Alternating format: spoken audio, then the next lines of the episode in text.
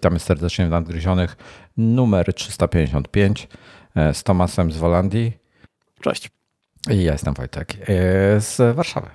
I nagrywamy to na żywo, e, ale wy tego nie będziecie słuchali na żywo. Osoby, które są, słuchają wersji audio przez podcast, bo, bo my to robimy na YouTubie i tam możecie nas spotkać w piątki o 9 rano czasu polskiego z Central European Time, CET, czyli Zulu plus 2 u te, u, e... Nikt nie zna tego znaczeń, po prostu e, wszyscy wiedzą, jaki jest czas w Polsce i tyle.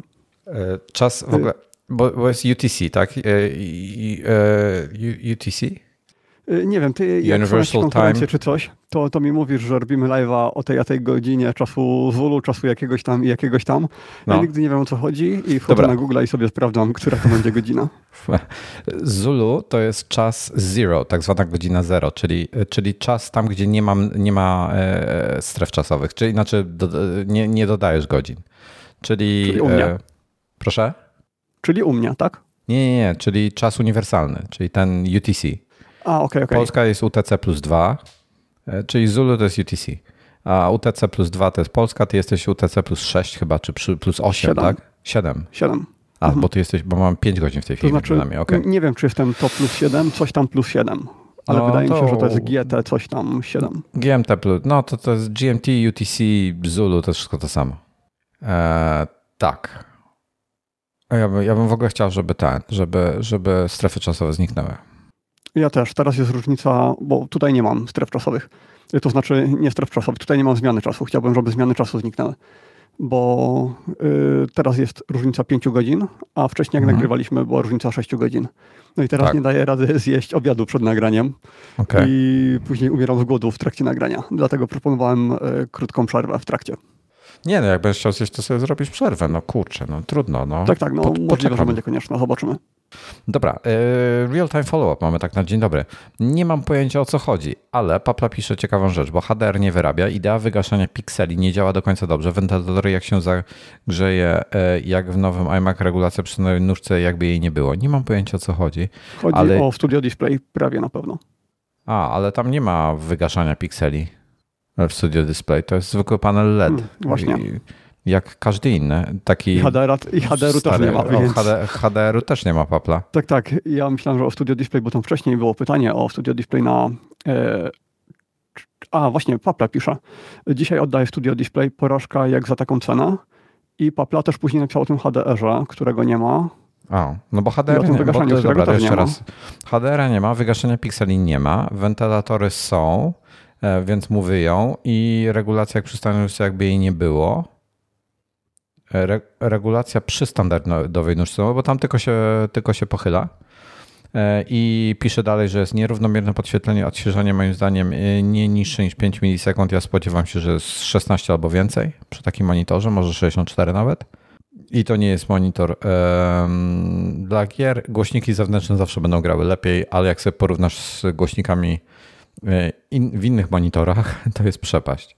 No i, i oddaję. I ja myślę, że też gdybym go kupił, to bym go oddał.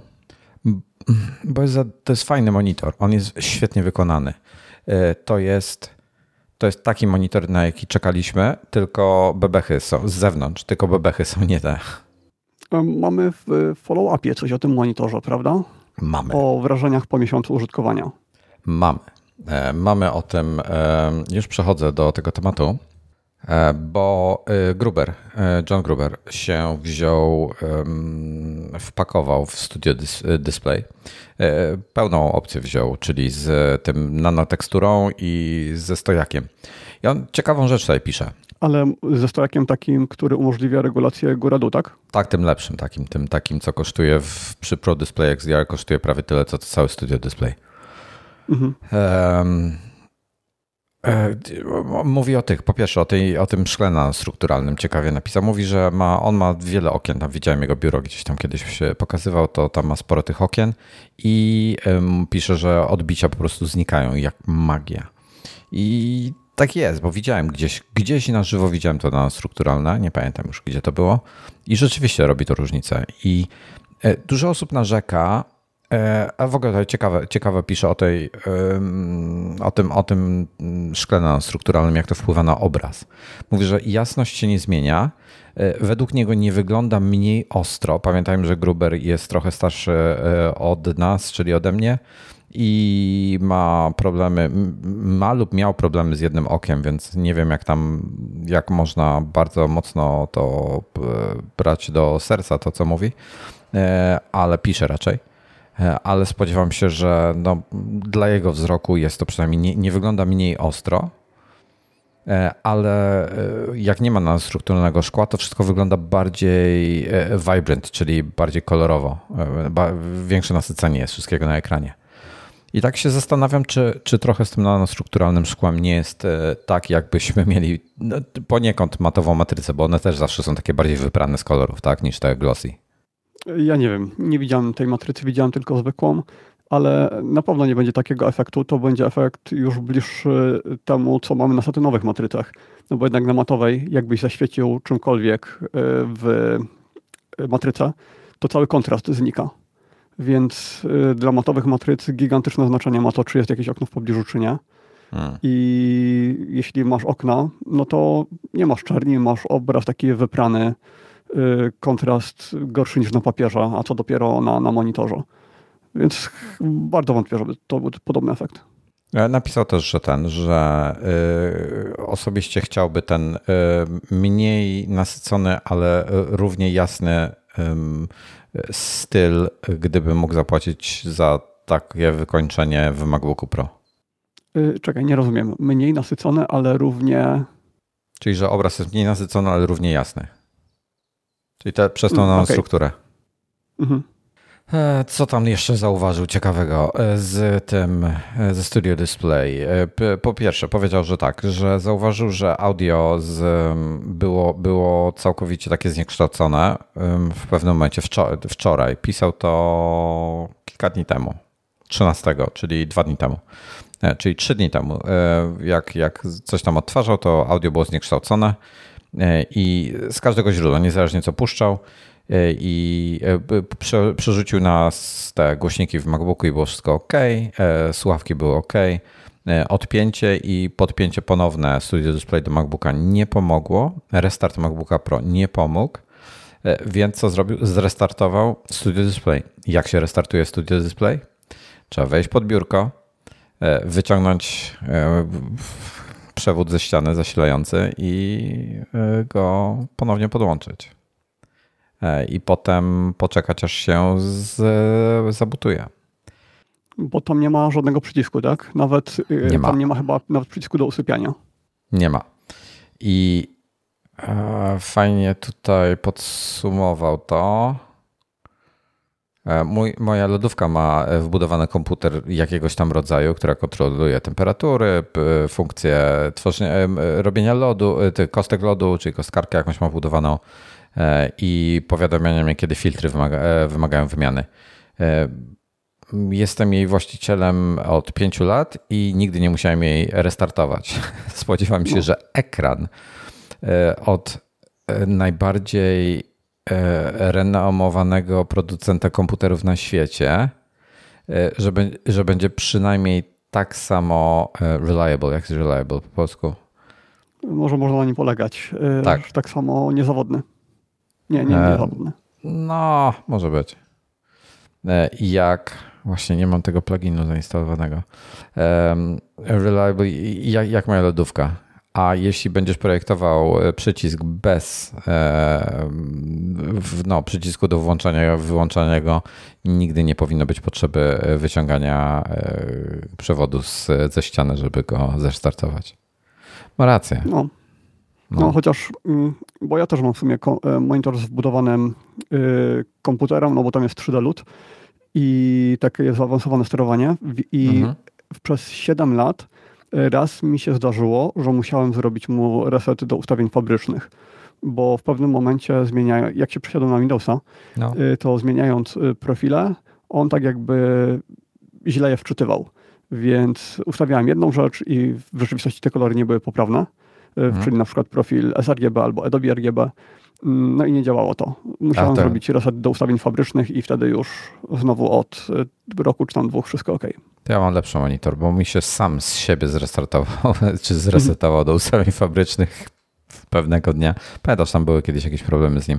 Tak, tak. Co się e, bałeś, że lada moment wyzienie ducha? No, to od tamtej pory wszystko ok, więc nie wiem, co tam mhm. wtedy mu się działo, ale, ale jest ok. Um, Daniel pisze, że e, wadą monitora Apple Studio największą jest to, że chyba nie można go łatwo połączyć z innymi urządzeniami niemakowymi. Mam trzy laptopy na biurku i chciałbym je używać z jednym monitorem. Można łatwo, podłączasz po prostu e, kabel, musisz mieć odpowiedni i to wszystko. No ale jak to później ustawiać, regulować, e, co w momencie, kiedy na przykład chcesz sobie zostawić rendery i szybko wyłączyć sam wyświetlacz, a komputer, żeby cały czas chodził, jest, to taki, jest taki programik do tego, do sterowania. E, ja szukałem czegoś takiego i znalazłem tylko jakieś skrypty, że tworzysz plik tekstowy, jakiś tam bat i aktywujesz go. Hmm. Nie udało mi się znaleźć niczego z fajnym interfejsem, co mógłbym podpiąć pod skrót klawiaturowy. Dobra, szybko zerknę, bo gdzieś, e, gdzieś coś takiego miałem. Um, bo ja cały czas zostawiam e, na, GitHub, na, na GitHubie jest aplikacja, która się nazywa Monitor Control. O, to możesz mi zlinkować, możesz wrzucić A, też opis. ale to jest dla, przepraszam, to jest aplikacja dla Maca, żeby sterować, e, czekaj, już, już sobie... No, na Macu to ja miałem, tam to wszystko czekaj, wygodnie czekaj, się robiło. Czekaj, już otwieram to. No nie, to jest e, makowy. E, program jest. Jeżeli masz. Nie, nie, no na Macu sprawa jest jasna, tam A, się da. Okej, okay. no to jest dodatkowa aplikacja, że możesz sterować jasnością monitora z paska takiego na przykład, który nie ma takiego sterowania normalnie. Mhm. No, czyli niestety. Okay, nie, chyba... nie, nie znam na Windowsa takiej aplikacji. Nie, nie wiem nawet, czy Apple coś takiego robi, czy nie. Nie, nie mam pojęcia. To o monitorach chyba tyle, bo dzisiaj mamy bardzo, bardzo dużo tematów i follow-upów. E, dobra, e, to lecimy dalej. E, co mamy dalej? A, e, skoro już o Mac Studio rozmawiamy, to może o M1 chwilę jeszcze. E, mhm.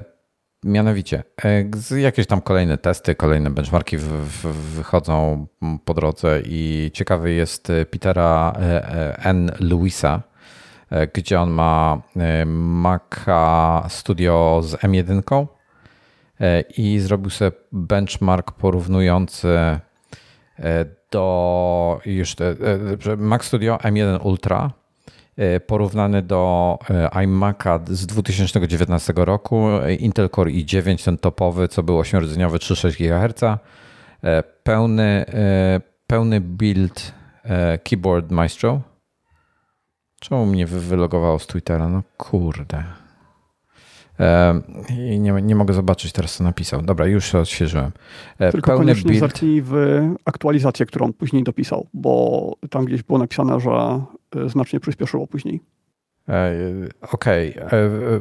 Pełny build aplikacji Keyboard Maestro na Intelowym Mac, iMacu było 2.20, na Mac Studio 45 sekund. 2,20 do 405 sekund spadek. Mhm. E, I incremental build, czyli że tylko zmiany e, przekompiluje, to spadek z 9,3 sekundy do 5,6, czyli prawie dwa razy. Także kurde, no dla niektórych, wiesz, no dla niektórych skok jest gigantyczny, jeśli chodzi o, o wydajność. Tak, ja tam porównywał też chyba inne rzeczy, tak? Czy tylko tego keyboard e, Maestro? A nie wiem, być może, ale tak patrzę się to jeszcze po innych testach, e, bo tu głównie akurat w tym wątku są hmm. te, no, mm, dla deweloperów, czyli jak kompilacje jakieś robią. To ja cały czas śledzę, co tam się pojawia w game devie, w tym oprogramowaniu do 3D. Mhm. I y, jeden deweloper sprawdził, jak się spisuje Unity i Unreal no i Unity działa całkiem ok, jest przygotowana wersja, która na M1 działa. Y, dużo rzeczy tam nie można uruchamiać standardowo, ale są jakieś obejścia i generalnie da się tego używać. No Unreal niestety jest kompletnie nieużywalny i y, no niby tam Epic coś działa w tym kierunku, ale to no, y, wygląda na to, że trochę odstawili ten projekt na bok, pewnie się też obrazili na Apple'a i nie mają tego gdzieś tam na liście priorytetów po tym, co zrobili z Fortnite'em, więc mhm. póki co Unreal no, nie chciałbym go używać w takim stanie. Jak widziałem, jak to działa, to po prostu wywala error za errorem mhm. i nie dało się z tego korzystać. E, to jeszcze jeden benchmark podpowiem. 16 e, e, to jest build jakiś też jakiejś nie, bliżej nieokreślonej aplikacji. W Klang 16-rdzeniowy Xeon Mac Pro 11 minut 51 sekund, M1 Max 14 minut bez 6 sekund, 13,54 i Ultra do, dosłownie dwa, dwukrotnie szybszy, 6 minut 30 sekund. Czyli M1 Max wolniejszy od Xeona, ale Ultra prawie dwa razy szybszy od Maxa i to takie trochę niesamowite jest to, że jest tak zoptymalizowany. Jest dwa razy więcej rdzeni i rzeczywiście jest dwa razy szybciej. To jest e, wow. A czy wyszedł już update do Final Cut, w którym też to wszystko działa dwa razy szybciej? E, no jakiś tam update wyszedł e, optymalizujący pod Maca Studio, ale nie widziałem żadnych jakichś konkretnych benchmarków. Okej, okay, no bo jeszcze tam te, nie wiem, dwa, trzy tygodnie temu różnica była niewielka. A ja skoro już zacząłem o tym Unrealu, to jeszcze tylko dodam, że widziałem wcześniej w trakcie, kiedy był zwykły M1, mhm. Y, jak ludzie używali tego Unreala, więc no, pewnie się da, natomiast y, chodzi to póki co tak sobie, ale to nie jest tak, że on zawsze wywala błędy i zawsze nie da się w ogóle tego uruchomić. Um, mogę jeszcze do Studio Display wrócić? No, dajesz. Pan Ruben napisał, że ma dwa Studio Display obok siebie i jak są wyłączone, to jak światło na nie pada, to widać tą taką powłokę, taką, która jest na monitorach taka antyrefleksyjna, co jest zawsze, prawda? E, na tych glossy. Znaczy nie zawsze, ale część firm tak robi, Apple tak robi na iMacach i tych wszystkich innych. I e, jedna ma e, pod światło widać, że jest ten tint taki, czyli te, te wiesz, zabarwione jest na zielono, a drugi monitor jest na fioletowo. Mhm. Ciekawe, czyli mhm. dwa monitory kupione w tym samym czasie zakładam i dwie różne powłoki. Mhm. E, trochę zaskakujące i tak trochę hmm, nie za te pieniądze, że tak powiem. E, tak. I, I mówi, że jak czyści je y, tą, tą szmateczką z mikrofibry, to jest czuć różnicę w tarciu, czyli ta fioletowy jest y, gładszy. Mm, I potem zrobił jeszcze update e, sprzed dwóch dni, że ma problemy ze Studio Display wykorzystując go jako huba, czyli funkcję portu USB, jak wykorzystuje. Czyli na przykład, kiedy jakiś klonuje Aha, przepraszam, że ma USB huba podłączonego do Studio Display i jak ma dyski wpięte bezpośrednio do huba, to e, na przykład jego klawiatura, która e, jest wpięta do ekranu, do monitora, e, zaczyna lagować. Klawiatura. No ale to tak często bywa, że jak jest hub wpięty w innego huba, to działa to, może to działać gorzej. No. I to, I to jest właśnie ten problem, dlaczego ja zawsze, e, dlaczego ja nigdy nie kupiłem sobie USB huba opartego USB 3, bo z USB 3 właśnie takie jaja były. I Mac Studio Display, ten Studio Display ma USB 4 i Thunderbolta i warto, myślę, byłoby spróbować to z, USB, z hubem USB, który, ma, który jest w standardzie USB 4 zrobiony, bo to USB 4 ponoć ma niwelować, e, czy też naprawiać ten problem. Mhm, tak, i o tym też mamy trochę tematów. To znaczy o tych hubach. E, tak, tak, tak. Będziemy o hubach rozmawiali jeszcze za chwilę. E, no i co? Mm. I jeszcze ciekawa e, informacja, jeśli chodzi o, o Studio Display, bo dla tych, którzy nie wiedzą, Studio Display zawiera w sobie iPhone'a czy też iPada bo jest tam po prostu pełny układ, masz 64 giga chyba e, ten, ten e, pamięci flash, ten chip, który jest normalny, bo to jest jeden chip, w zasadzie masz tam iPhone'a albo iPada z tym, z, to było co, A13 chyba? Chyba tak. A13 chyba było. Z tego 64 giga wykorzystywane jest dwa, no i ewentualnie lekki nadmiar na aktualizację. No, e, także, także taka ciekawostka. E, I co dalej? I e, w środku, w kodzie Steven, e, Steve Troughton Smith e, się dobrał tam do kodu i znalazł informację o tym, że będzie Mac Mini 10,1, czyli ta nazwa kodowa.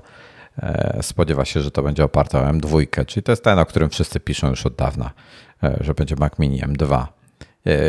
Tam przewidywany jest jakiś nowszy design niż ten obecny. Szczerze nie spodziewam się, że design się zmieni. Ja myślę, że zostaną, znaczy mo, może się jakoś lekko design zmienić, ale wymiary zewnętrzne będą bardzo podobne. bo Mac Mini są kupowane przez te centra takie mm, serwerownie. serwerownie. Do, do takich specjalnych szaf się wstawia. No i chodzi o to, żeby wymiar zostawić. Żeby, no, chyba, żeby że pasowało. Chyba, że zrobią coś na zasadzie y, zmniejszenia go o połowę, że dwa maki na siebie i wtedy wkładane w jedno miejsce, bo tam jest tyle miejsca, że chyba byłoby to możliwe. Żeby były dwa razy cieńsze? Tak, na wysokość albo. Może. No tak, gdyby całkowicie to projektować, Może. wydaje mi się, że, że tak. No wiesz, to jak się popatrzysz na tego na MacBooka, no to w MacBooku masz cały komputer i z klawiatury jeszcze, i trackpada, tak? Mhm. Więc no teoretycznie kiedyś, by się dało. Kiedyś tam jeszcze dwa dyski y, wstawialiśmy 2,5 cala do takiej samej obudowy, kiedy to wszystko było większe na, na Intelu, w sensie no. w środku no, trochę było więcej było, ale, ale nadal cienkie. Mhm, tak, tak. No. Y, no nic, tyle, y, więc wydaje mi się to realne, żeby to zmniejszyć dość mocno, chociaż Snazi na swoim YouTubie opublikował, jak bardzo jemu się udało zmniejszyć tego maka obecnego, natomiast tak. on pokazywał tylko samą obudowę, no bo wiadomo, że wnętrzności nie przeprojektował, nie zmienił systemu chłodzenia, niczego takiego, tylko samą obudowę. Mhm. No i jest wyraźnie mniejszy. E, dobra. E, doki. Doki nie, nie, nie mieliśmy jeszcze. Jeszcze mamy follow-up. Do doków przejdziemy. A, bo ty masz tutaj y, rozrzucone te tematy. Okej, okay, rozumiem. A nie, one nie są rozrzucone. Y, okej, okay, to oddzielmy sobie w takim razie doki y, Baldur's Gate'em. Słucham ciebie. Tak, tydzień temu się zastanawiałem, czy da się przerzucić save z iPada na komputer. Nieważne, czy na Maca, czy na Windowsa. I słuchacze donieśli, że da się. Jest to bardzo, bardzo proste. Wystarczy odpalić sobie grę na iPadzie, wczytać ten save, który chcemy przenieść i przytrzymać na szybkim zapisie y, palcem przez, nie wiem, z 3 sekundy może. I pojawia się menu kontekstowe do udostępniania. Y, czyli między innymi można tam zapisać coś na Dropboxie, w Filesach czy gdziekolwiek. No i wtedy zapisuje się ten save w miejscu, któremu wskażemy. No i stamtąd już bez problemu można to skopiować gdzie się chce. Już ciężko mi uwierzyć, że ktoś o tym pomyślał. Wiesz, naprawdę, tak, jak, i... jak coś, coś, coś, takiego robi, jakiś tego typu rzecz, która e, ułatwia życie ludziom, to jest mi ciężko w to uwierzyć. Tak, ale z drugiej strony żyjemy w czasach, kiedy część save'ów jest po prostu w chmurze, a nie na urządzeniach lokalnie i do tego już trochę przywykliśmy, że uruchamiasz gdzie chcesz i zawsze masz aktualne save'y. A to jednak tak czy tak ten jeden krok trzeba wykonać. Więc gdybyś chciał grać na zmianę na iPadzie i na komputerze, no to nie byłoby to wygodne. Mm, nie jest tak, że możesz sobie zmienić lokację tych save'ów na stałe i na przykład, żeby ci Baldur pobierał zawsze z chmury. E, no ale tak czy tak mogę dokończyć grę na komputerze. No i z tego co wiem, to albo już e, to działa, albo będzie działać też w tych innych grach, które oni zrobili. E, czyli pierwszy Baldur's, chyba Icewind Dale, Planescape Torment, nie wiem czy to też oni zrobili czy nie. Ale chyba tak, bo jest to sprzedawane też w takim bundlu, że wchodzę na Steama i mogę kupić wszystkie te gierki w odnowionych wersjach za... Zresztą w Polsce będzie inna cena, więc e, nie, nie wiem jaka jest cena w Polsce, ale da się to kupić e, w takim gigantycznym zestawie, co zresztą zrobię pewnie, jak będzie jakaś promocja. Słuchaj, to ja tak, skoro już rozmawiamy o grach Steamowych i tak dalej, to ja e, nie, nie umiem uaktualnić Steama. E, chciałbym pokazać, o co mi chodzi, ale chyba nie za bardzo jestem w stanie. Ale aplikacji Steam? Generalnie wchodzę do ustawień, do, do, do ustawień Steama, mam system, mam software. O, dobra, teraz mi się w końcu zmieniło, jak go zostawiłem, kurde, wczoraj wieczorem na noc. Są jakieś update'y i nie miałem jak zrobić update'u, bo były linki i pojawiały się, bo na, na kanał beta się przełączyłem i nic z tym nie mogłem zrobić. Po prostu była informacja, że jest i cokolwiek tam klikałem, to nie przynosiło albo do sklepu, albo coś robił. I teraz mi się pojawił przycisk update w końcu. Dobra, kliknąłem go, już się update'uje. Czemu chcesz brać udział w testach beta? Bo, e, bo jeszcze nie było żadnego aktualnienia, wiesz, oficjalnego, odkąd przyjechał. Ale na okay, becie czyli chodzi o Steam, o Steam Decka, o system operacyjny, o, a nie o, Steam aplikację Steam. Tak, tak, tak. O, okej, okay, okay, to teraz rozumiem. E, kurde, powiem ci, a dobra, wiesz co, to już skoro rozmawiamy o Steam Decku, e, ja męczę tego, czy ja to mogę wyłączyć w trakcie aplikowania? Nie, nie mogę chyba. E, w Firewatcha gram, tak? Wspominałem o tym. Tak, Generalnie... ale chyba nie grasz za dużo, bo to jest gra, którą już prawie kończyłeś tam te 2-3 tygodnie temu. Nie, chyba. ja tam byłem na drugim dniu chyba. Mhm. Y, nie, ale nie miałem. całość jest na kilka godzin tylko. Wiesz co? Nie, ktoś tam gdzieś jak się wszystko robi, to jest chyba na 30 czy 40 godzin grania. O, wow, e, okay. Ktoś tak na szybko to przyszedł chyba w 8. Coś takiego, już nie pamiętam w tej chwili. Pewnie od tego czasu się dużo zmieniło. E, pewnie da się w tej chwili szybciej to zrobić. E, ale gdzieś tak coś, coś mi się kojarzy. Że zaraz podam statystyki z How Long to Beat. Zaraz, zaraz to znajdę. E, I, I wracając do Firewatcha, jest film teraz, nie pamiętam na czym, czy on jest na HBO, czy, czy na Netflixie, ale chyba na HBO z, kurczę, aż otworzę sobie filmografię pani Angeliny Jolie, jak ostatnio gdzieś ktoś o niej mówił. Pani Jolie. To ty otwieraj, a ja w międzyczasie dodam, że standardowy czas przejścia to jest między 4 a 5 godzin, ale jacyś rekordziści tutaj dobijają do 10. To, to 30 to będzie jakiś taki ekstremalny przypadek, gdzie pewnie chodzi o każdy piksel, żeby zwiedzić. O nie, to ja mam więcej niż 4 czy 5 godzin w tym, więc ja jestem jakiś niestandardowy w takim razie. No to, że jak się gra na raty, to zawsze, zawsze dłużej schodzi niż gdybyś usiadł i przeszedł od początku do końca. Dobra, kurde. Angelina ma osobne, osobne stronę na Wikipedii poświęconą e, tej w swojej filmografii. Come I the one and only those who wish me dead. Ok. Film jest pod tytułem e, Those Who Wish Me Dead, czyli polski tytuł. Strona nie jest przetłumaczona na polski, więc nie wiem, jaki jest polski tytuł. Ci, którzy chcą, żebym umarła. Czy Y, żebym był martwy. Nie, nie wiem, jak przetłumaczyli. E, fajna obsada jest całkiem, bo gra. E, Czy to jest coś nowego? To jest film z 2021 była premiera, 5 e, maj. Maj 14, 14 maja się pojawiła w Stanach. Od New Line Cinema. A, na HBO Maxie jest. Cast. E, już mówię, e, gra Angelina e, Jolie, gra mm, paru inaczej. Z nazwiska nie będziecie kojarzyli tych aktorów, jak, jak, jak ten, jak, jak zaczniecie oglądać, będziecie kojarzyli ich z twarzy, bo to są znani ogólnie aktorzy. Tylko ja jestem taki, że ich nie, nie kojarzę z, E, o, gra e, Aiden Murphy. To jest, jeżeli ktoś oglądał Peaky Blinders i pamięta tego takiego e, Rumuna, czy tego Gypsy, to nie jest Rumun, tylko to jest ten, Cygan. Przepraszam z góry, to nie miało być rasistowskie. To on grał w Peaky Blindersach i też w paru innych filmach. Tutaj, tutaj też ma właśnie rolę. A, to jest ten. Lepiej nie będziecie znali go z Littlefinger z gry o Tron. Ten, nie pamiętam jak po polsku był Littlefinger. Ten taki, co E, maczał palce we wszystkim. E, I tam strasznie politycznie kombinował. To, to on tam gra i to jest film właśnie o e, Angelina Jolie pracuje jako, jako Firewatch właśnie na takiej wieży. Dokładnie takie jak w tej grze, więc strasznie mi się od razu te tematy dwa spięły. No, fajne, polecam film. Znaczy, Ale nie gra, jest... gra była pierwsza. Gra była pierwsza, gra, gra jest wbrew pozorom bitniejsza od filmu, ale film fajnie obejrzeć. Um, coś tutaj Pascal pisze. Cześć Pascal. Poruszycie, poruszycie, poruszycie kiedyś problem niedziałania myszy i klawiatury bezprzewodowej Mac Mini z M1. Po restarcie usiłowaniu Maca muszę podłączyć przewodowe akcesoria, żeby się zalogować. Tragedia. Cześć, witam. E, cześć Wam. E, e, nie ma co poruszać. Witam w świecie Apple'a i akcesoriów bezprzewodowych. Po prostu czasami nie działają. Mm, Apple lubi pogrzebać sobie w staku e, BT i coś ostatnio rozwalili.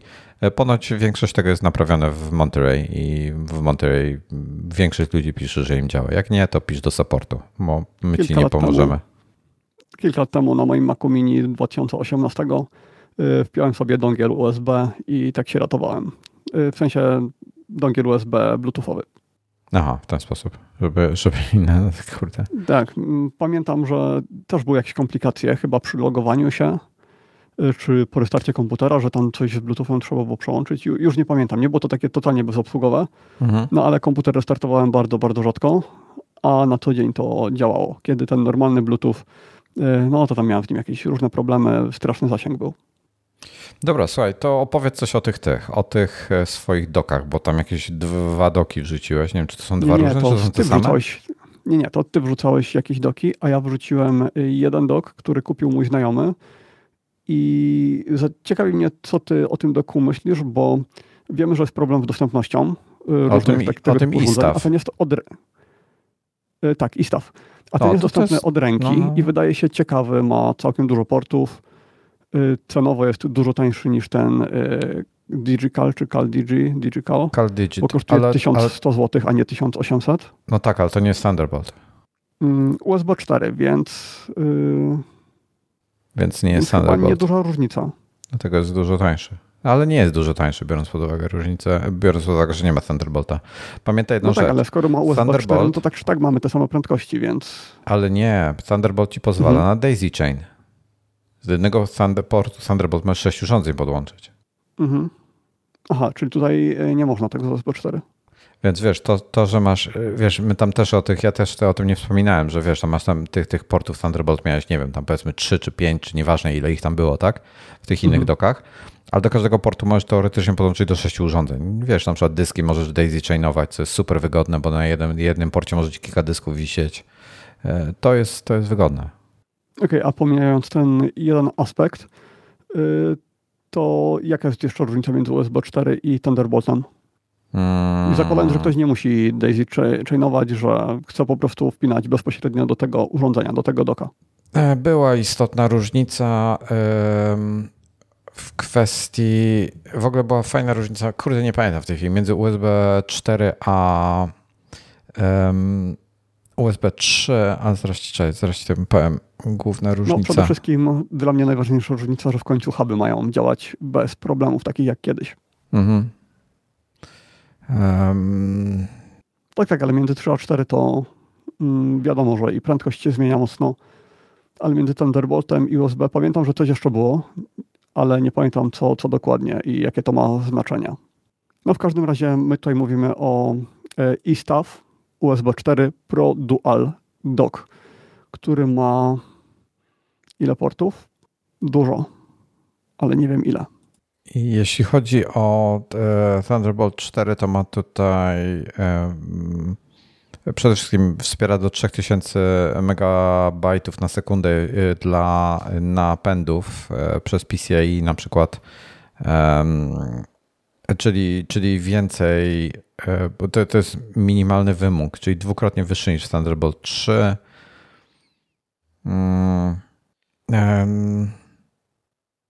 Kable Thunderboltowe do Thunderbolta 4 przez, dzięki tam zmianom w portach Thunderboltowych mogą mieć do 2 metrów i nadal przenosić 40 gigabitów na sekundę. E, wcześniej pasywne kable do Thunderbolta 3 musiały mieć 0,7 lub mniej. Mm. Jest parę innych jeszcze różnic. Dobra, USB 4 a Thunderbolt 4. E, porty są te same. E, protokół, bazowy protokół jest ten sam. Ale e, tu jest tak, nie wszystkie urządzenia USB 4 są, e, ma, mają ta, taką samą możliwości zapewnienia tej, tej samej ilości, wymaganej ilości prądu przez urządzenia Thunderboltowe. Czyli, czyli mniej. Teraz tak, Thunderbolt 4 zawsze będzie miał 40 gigabitów na sekundę, USB 4 ma 20 gigabitów na sekundę i może mieć 40 gigabitów na sekundę, ale nie musi. E, czyli będzie napisane gdzieś w marketingu, tutaj podpowiadają, że będzie to określone jako USB 20 albo USB 40. E, mhm, USB 4 40 tylko dodam. Mhm. No, USB 4 wspiera e, jeden zewnętrzny ekran, Thunderbolt 4 wspiera 2 4K. No i jeszcze daisy chaining jest, który nie wiem jak jest przy USB 4 z daisy chainingiem. Mhm. Przy USB 3 A tutaj też są wspierane dwa, dwa zewnętrzne monitory. No, tylko na dwóch osobnych portach, tak? Chyba tak, chyba tak. No, mhm. bo to mi tu chodzi o to, że na jednym porcie możesz mieć dwa monitory. Mhm, okay. Czyli podłączasz e, komputer do monitora i monitor do monitora. Mhm. No i jest to wygoda. Okej, okay, czyli no tych różnic jest całkiem sporo. No fajny, y jest ten, fajny jest ten dock, tylko powiem tak, kurczę, tysiąc... 14 portów ma. Tysiąc... Doczytałem, że 14. Tak szybko patrzę, tak tylko przed się po portach. Są y, czytnik kart jest, czyli małych i dużych, jakieś SD i microSD, potem jest y, USB-C, y, na słuchawki trzy z przodu są trzy USB-A, z tyłu są kolejne trzy USB-A, dwa USB-C, przy czym jeden jest ten dokujący, dwa DisplayPorty i Ethernet. Trochę mało USB-C jest portów. Masz 6 USB-A, tylko, tylko dwa USB-C. Już bym wolał więcej tych USB-C. Fajny. Ale za te pieniądze nie wiem, czy nie wolałbym właśnie CalDigit e, trochę dołożyć. No nie, nie, to nie jest trochę dołożyć, bo CalDigit to on kosztuje niecałe 2000. Mm, no, Ale co mnie zaciekawiło, no. że y, podpinając MacBooka do tego doka, tym kablem, którym się normalnie ładuje MacBooka, mhm. y, nie jest ładowany. Trzeba mu wpiąć na przykład Thunderbolta i wtedy już bez problemu. E, jest ten mały OWC Thunderbolt Hub. Przepraszam, y, zupełnie nie słuchałem tego, co mówiłeś. Możesz powtórzyć? Y, że nie chcę go ładować y, tym kablem, który jest dołączony do MacBooka. Ten, który wpinasz normalnie do zasilacza. To jeśli go wepniesz do doka, to nie ładuje go. Mimo, że jest zasilanie wpięte do doka Power mhm. Delivery 100 watów, to nie ładuje. A jeśli się zmieni kabel i zamiast tego dołączonego do MacBooka wepnie się Thunderbolt, no to wtedy już bez problemu. Okej. Okay. E, OWC Thunderbolt 4, ten mały taki, e, ten, ten, ten mniejszy, kosztuje 870 zł. Potem był Razera 1900, był ten CalDigit chyba kosztował 1800 czy coś takiego. Mhm, tak mi się tak. kojarzy. E, ale go w tej chwili nie widzę w ogóle. Może wpiszę CalDigit. Strasznie słaba jest ta wyszukiwarka, kurczę. Hmm, na Amazonie czasami wpisujesz Thunderbolt E, na przykład wpiszesz Thunderbolt 4 Hub i nie znajdzie ci CalDigita, wpiszesz CalDigit Thunderbolt e, albo cokolwiek, to ci od razu go znajduje. E, słuchaj, CalDigit Thunderbolt 4, ten taki, co ma 4 porty USB-A i 3 porty USB-C, czy też Thunderbolt, przepraszam, to nie są USB-C, to są 3, 3 porty Thunderbolt 4, to to kosztuje 1400 zł, więc 300 więcej. Nie Ale jest, dostępny w tej chwili, 23 kwietnia, czyli za tydzień dostawa. Mhm. Mm. A, tylko jeszcze do tego iStafa trzeba dokupić zasilanie osobno. To jest duży koszt. O, ciekawe. Czemu? Za granicą jest też dostępna wersja, taki bundle z zasilaczem w zestawie. No, no. W Polsce z tego, co widziałem, nie ma. Ciekawe. A przynajmniej nie na stanie. E, właśnie widzę, że CalDigi też ma jakiś hub taki USB 4 chyba to jest, albo w każdym razie piszą USB-C e, za 500 zł niecałe ale nie ma tego takiego bardziej wypasionego CalDigita, nie mogę go znaleźć w tej chwili. Mm, ale sprawdzę jeszcze cenę OWC, bo też nie mogę znaleźć go, tego większego OWC. Nie pamiętam, jak on się nazywał w tej chwili. Ale wiesz co?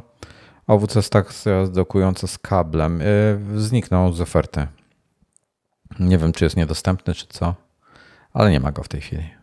Mhm, ale widziałem, że ty wróciłeś jako jeden z tematów porównania Y, tego CalDigit TS4 i tak. OWC Thunderbolt Dock. E, oczywiście zamknąłem sobie to. A dobra, mam już. E, MacDrifter zrobił, zrobił porównanie tych dwóch doków. E, przy czym on wziął akurat tego OWC, który ma Thunderbolta 3. Nie wiem dlaczego tego wybrał akurat, ale zrobił porównanie. Ten CalDigit tam trochę Trochę pojechał po tym Caldige, ale ten Caldige mi się podoba ogólnie. Fajnie, fajnie jest ten dog. I podoba Czemu mi się, tam gdzieś tu jego skrytykował, że jest trochę lekki, że nie jest wykonany tak dobrze, jakby mógł być. Jakieś takie, takie rzeczy. Quality nie jest taki dobry jak OWC, że OWC jest heavy, solid i, i tak dalej. I ma jakiś tam szklany panel, ten jest taki e, zbyt lekki, E, trochę się wygina, jak go tam ponaciągasz, e, że nie jest tani, ale nie, nie wydaje się high quality.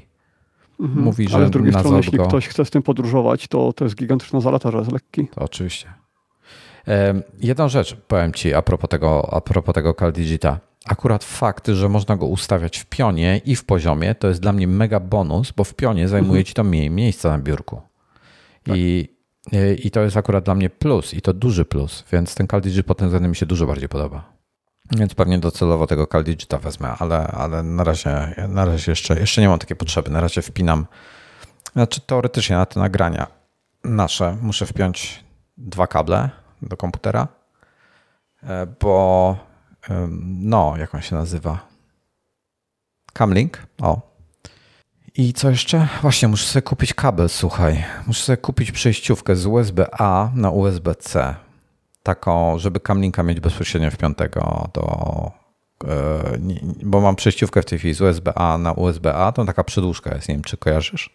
Mhm, tak. No i potem mam z USB, tą Apple'ową moją, mam z USB-A na USB-C i muszę sobie kupić od razu taki kabel po prostu, żeby mieć z jednego do drugiego, tylko nie mam jeszcze. Nie wiem, czy on będzie działał prawidłowo. Nie wiem, jaki, jaki, w jakiej specyfikacji jest ten kabel e, Zwykły kablinkowy. USB 3.0 ci wystarczy. Taki zwykły, najzwyklejszy. Okay. Tak, tak. To poszukam ja tak czegoś takiego. Od, od niepamiętnych czasów działa. No dobra. Hmm. Ciężki jest ten temat z tymi dokami w tej chwili. Prze, przez ten. To nie są chyba urządzenia, które są jakoś super popularne. No, przy takich cenach to chyba nie mają prawa. No, i bardzo mocno poszły do góry, jeśli chodzi ogólnie. Wiesz, kurczę, powiem ci tak, jak ja mam, jak mam dać 1100 zł za USB 4 huba. No, plus e... zasilanie to cię wyjdzie w 1500 pewnie. Aha, to, to jest jakiś webshop, to musisz zalogować, żeby zobaczyć cenę. To nie, nawet nie mam ceny, bo to z zasilaczem. Ty wysłałeś tego drugiego linka z zasilaczem chyba, prawda? Tak? Dobrze to rozumiem. Ten drugi jest na stronie producenta i oni tam mają dwie wersje, yy, tylko tam nie ma ceny. Okej. Okay.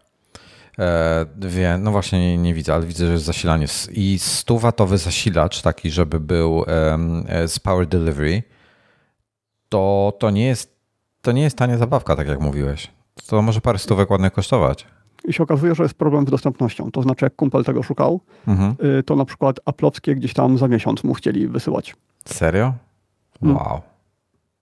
No fajny, bo ten, e, ten dok jest w Polsce do kupienia za 1100 zł, ale bez zasilacza, rozumiem? Dobrze? Tak, tak, tak.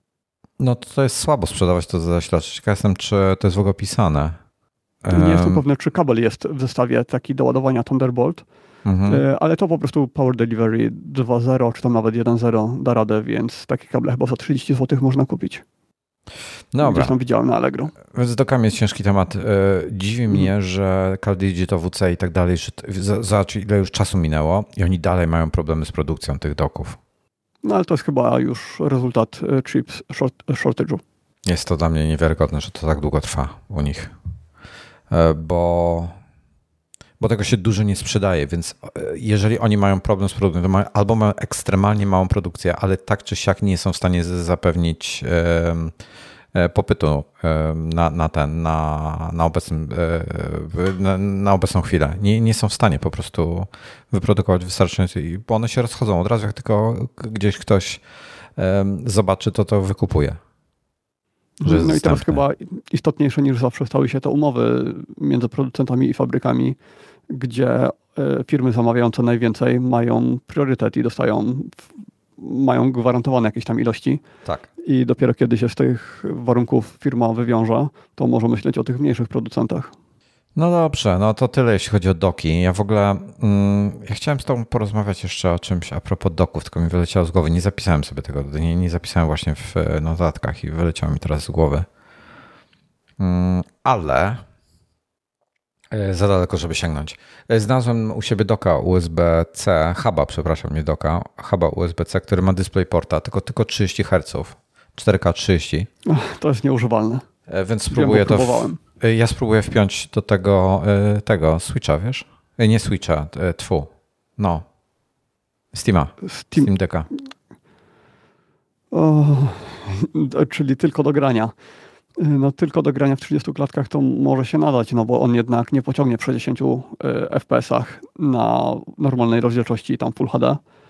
Ja ale... i, tak mam, i tak mam ograniczonego, jak gram w tej chwili, i tak mam 30 FPS-ów y, ustawione na mhm. Steam Decku, więc. Okay, no bo tak, w Firewatcha nie mam 30 FPS-ów, to jest więcej niż potrzeba.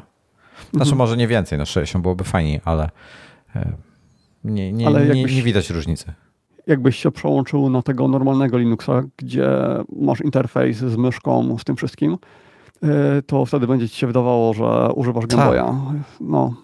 Ja pamiętam, jak mi się kiedyś monitor gdzieś przyłączył. Miałem, y, ten Eiza mi się przyłączył na 30 Hz.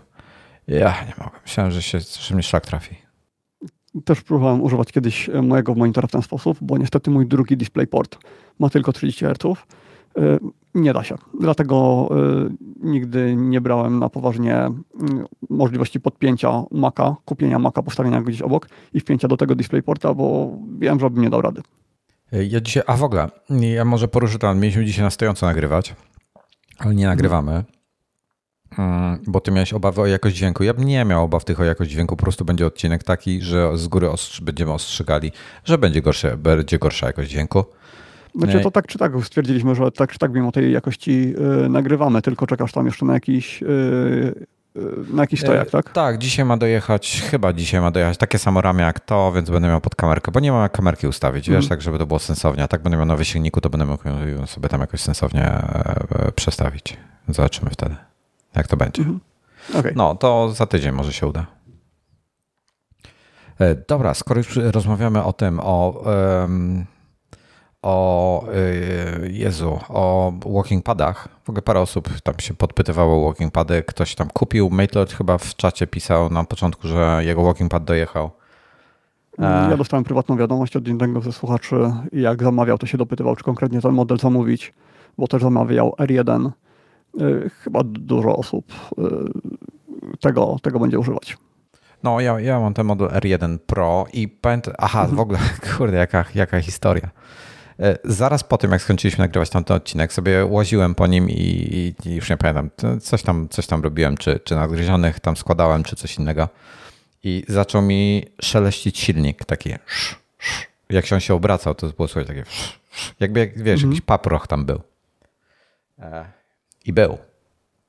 Wziąłem w sobotę i wkurzało mnie to niemiłosiernie. Wziąłem w sobotę, od spodu są takie cztery kratki wentylacyjne i wziąłem rurę od odkurzacza, podpiąłem e, odwrotnie.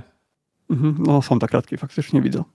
Wziąłem rurę od odkurzacza, podpiąłem odwrotnie, tak żeby dmuchnąć tam porządnie w te otwory, bo najpierw próbowałem coś wyssać przez nie, ale niewiele tam z tego wychodziło. Wziąłem, przyłożyłem, słuchaj, rurę, żeby dmuchnąć. To tam, gdzie masz ten taki otwór prostokątny, gdzie widać taśmę od spodu, jak się spojrzysz na, na e, spód, to tam tyle syfu wyleciało, słuchaj, takich po prostu e, kurzu, że szybko przestałem. Wziąłem drugi odkurzacz i jednym e, dmuchałem, a drugim wysysałem to, co tam mm dmuchał i przestało mi szeleścić. E, także taki protip, żeby przedmuchać go od spodu, bo patrzyłem jak rozebrać walking pada, gdybyś chciał go samemu naprawić. Jest to no. na parę godzin roboty. Mhm, ale y, ja szukałem kiedyś informacji, bo przez moment zaczął mi wydawać jakiś trochę dziwny dźwięk. Y, I szukałem informacji ogólnie o bieżniach, nie tylko o tym modelu. No, no. to było, że to jest normalne y, i krótko później ten dźwięk mi zniknął. Później znowu się pojawił kilka miesięcy, później znowu tylko na moment i znowu zniknął. Ja nie akceptuję takich dźwięków, dla mnie to nie jest normalne i e, polecam przedmuchać go po prostu odkurzaczem porządnie. No teraz znowu jest cicho. No, I to mój, u mnie dosłownie na tam, nie wiem, pół dnia albo ile było i zniknęło. Ale próbowałem się dopatrzeć gdzieś tego kurzu, o którym mówiłeś i nie... Y, nie wiem nawet, gdzie ci się to zbiera. We, weź, y, weź odkurzacz i weź dmuchnij do tych, do tych kratek wentylacyjnych i zobacz, co się stanie. No ja nawet ciekawy. nie mam takiego, który, który dmucha. Mhm. Gruszką? Coś, co ma jakieś mm, większe ciśnienie? No mam do matrycy, tak, tak. No dobra, może spróbuję. Y, ale napisałeś, że pojawił ci się komunikat, że musisz odpocząć, jak chodziłeś za długo. No właśnie, właśnie. Słuchaj, e, wczoraj łaziłem sobie mhm. i tak w zasadzie, bo normalnie zawsze robiłem przerwy. E, bo wiesz, pochodzi, zrobiłem 3000 kroków, poszedłem zrobić siku. E, przepraszam, mhm. poszedłem na sekundę. Zrobiłem kolejne 3000, poszedłem po picie. I wiesz, były parominutowe przerwy, także mi sesji nie przerywał, czyli tam na wyświetlaczu dalej się ta, ta suma kroków była i kontynuowałem po prostu spacer, bo nie korzystam mhm. z trybu automatycznego, bo mi nie działa prawidłowo. Nie wiem, jak u ciebie jest. Ja cały czas manualny. 3,5 do 4 km na godzinę no, i chcę no, mieć no, tak no. non-stop. No, mhm. więc ja sobie akurat miałem na trójkę nastawione, bo robiłem trochę takich e, rzeczy wymagających większego skupienia na komputerze, więc sobie spokojnie te 3 km na, na godzinę szedłem i, e, i miałem taką sesję akurat, że tak się wkręciłem, że szedłem dosłownie non-stop. Te, nie mhm. pamiętam ile tam zapisałem. 15 600 z hakiem kroków zrobiłem. A to ci mogę powiedzieć dokładnie, kiedy no. są te przerwy. No. Y, to jest tak nieważne, czy robisz krótkie przerwy, czy nie.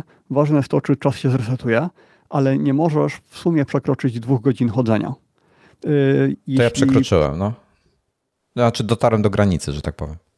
Tak, tak. Właśnie kiedy masz te dwie godziny, to pojawia się komunikator REST. Tylko u mnie on jest chyba na godzinę, a nie na pół godziny. A mi się wiem, pół godziny pojawiło.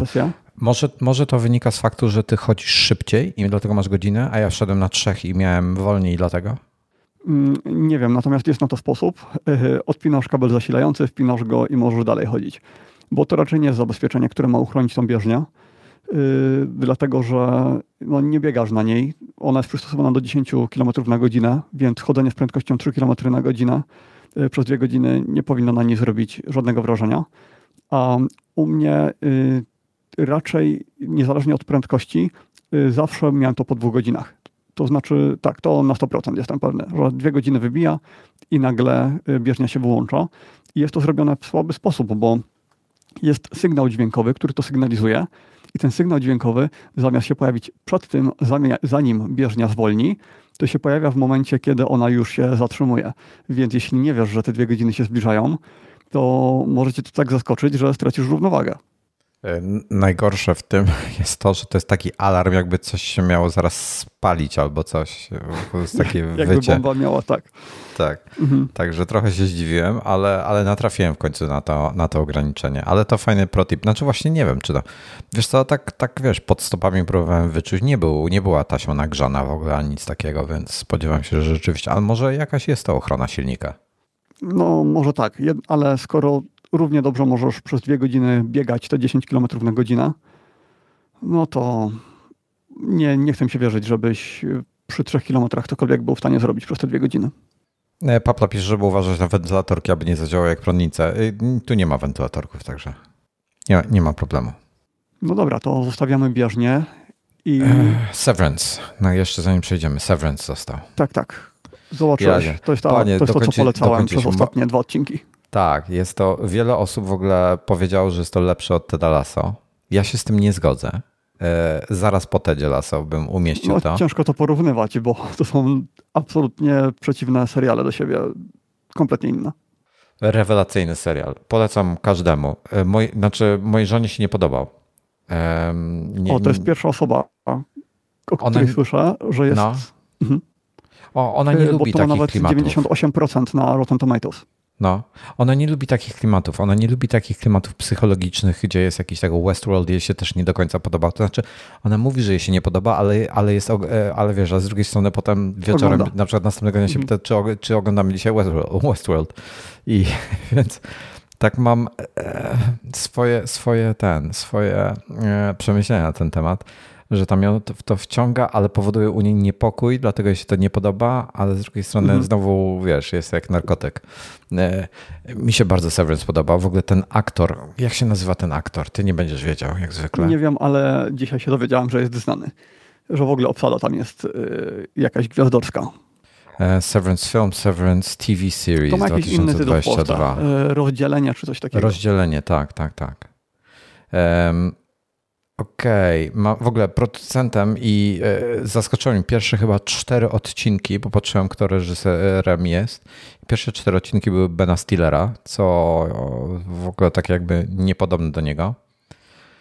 E, dobra, e, główną rolę gra Adam Scott i on jest znany chociażby z HBO z Big Little Lies. Kojarzysz, zakładam ten serial? Niestety nie mam HBO. Duże małe kłamstwa. Ale to gdzieś Mam one, to na liście, bardzo bym chciał zobaczyć, bo wiem, że super, ale no. nie widziałem. E, on tam gra zupełnie inaczej, wiesz, jest skrajnie różną postacią, więc czasami, nie, dobra, ja powiem o czym myślę. Czasami jak masz jakiegoś aktora, na przykład, yy, hmm, dobra, nie będę teraz nikogo z imienia i nazwiska wymieniał, ale czasami masz jakiegoś aktora i yy, on gra podobnie w każdym filmie. Wiesz o co chodzi? On ma mhm. jakoś tam jej swój styl jakby. I, no, gra samego siebie, tak. No, gra samego siebie to poniekąd. E, znaczy, Nicolas Cage jest trochę taki, wiesz, taki ma styl mówienia i mimikę i tak dalej. I wiadomo, że, że to jest on. Mimo, że gra różne postacie, czy komandosa, czy jakiegoś innego tamtego. Jest trochę inny, ale, ale nie pomylisz go z nikim innym. E, to, to tego Adama Scotta to kurczę, to zupełnie różne postacie ma tu i tam. Mm, bardzo fajnie gra. W ogóle niesamowitą urodę ma tylko nie zespoilerujmy tutaj niczego. Niesamowita uroda jest ta pani, e, o, która się zajmuje wellness, ta e, od e, tej, tej mm, zdrowia psychicznego, co tam opiekuje się pracownikami w firmie. Mhm. Taka um, azjatycka uroda, że powiedziałbym. To, że tak, taka, taki miks albo azjatka, tak, tak. No, no, no, ona niesamowitą urodę w ogóle ma. Ja ją z jakiegoś innego filmu znam. E, nie kojarzę, nie kojarzę z jakiego e, w tej chwili. Jest parę, po nazwiskach nie, nie, nie będziecie znali. E, jest poza Christopherem Walkenem. Christophera Walkena to chyba każdy zna. Bardzo, bardzo znany aktor. I Patricia Arquette jeszcze gra, którą też być może znacie. Zresztą, kurczę, no, świetny, świetny e, film. O, Ben Stiller ma um, głosowe cameo w filmie. Nie wiedziałem nawet. Czyli e, pojawia się jako głos jednej z postaci, tego Kirana czy Kira. Jak ty mówisz o tych aktorach, to ja się nawet nie odzywam, bo i tak nie wiem, kto jest kim, nikogo tam nie kojarzę, więc będzie monolog twój.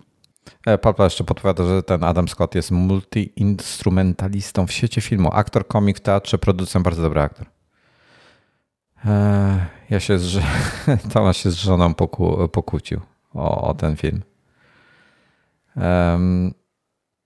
No w każdym razie ten, w każdym razie świetny, naprawdę świetny serial. Polecam e, każdemu. Ostatni odcinek mnie wkurzył, autentycznie mnie wkurzył. Był świetny przecież. No był świetny, ale mnie wkurzył, że nie ma kolejnego. Mm, ale wiedziałeś, że to jest e, finałowy sezon? Czy się nastawiałeś, czy myślałeś, że będzie dziesiąty i byłeś pewny, że ja myślałem, że to jest oglądaj dalej? Ja widziałem w opisie, że jest napisane, że to jest season finale, tak? I byłem przekonany mhm. o tym, że to jest ściema, że wiesz, potem jak już skończyłem oglądać, myślałem, że to jest ściema, no musi być jeszcze jeden. I nie, nie ma A Mnie się wydaje, że to zakończenie było takie w sam raz na zakończenie sezonu. Nie, bo zakończyli cliffhangerem. Takim, kurde, takim, że chcesz usiąść i włączyć następny od razu. Tak, ale jednocześnie dużo rzeczy się wyjaśniło, więc ja jestem usatysfakcjonowany, jak to się potoczyło. Ale zobaczył Jest zdjęcie i nie, było, nie wiadomo, co było po zobaczeniu zdjęcia.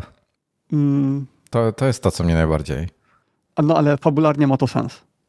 No ma, mm. ale, ale, ale nie, ale ja chcę drugi sezon już teraz. Będzie drugi sezon Papla, będzie drugi tak, sezon, będzie. nie wiadomo kiedy. Tak, y, no są tak rewelacyjne opinie na ten temat, że dla wielu osób właśnie, tak jak wspomniałeś, to jest numer jeden na Apple TV.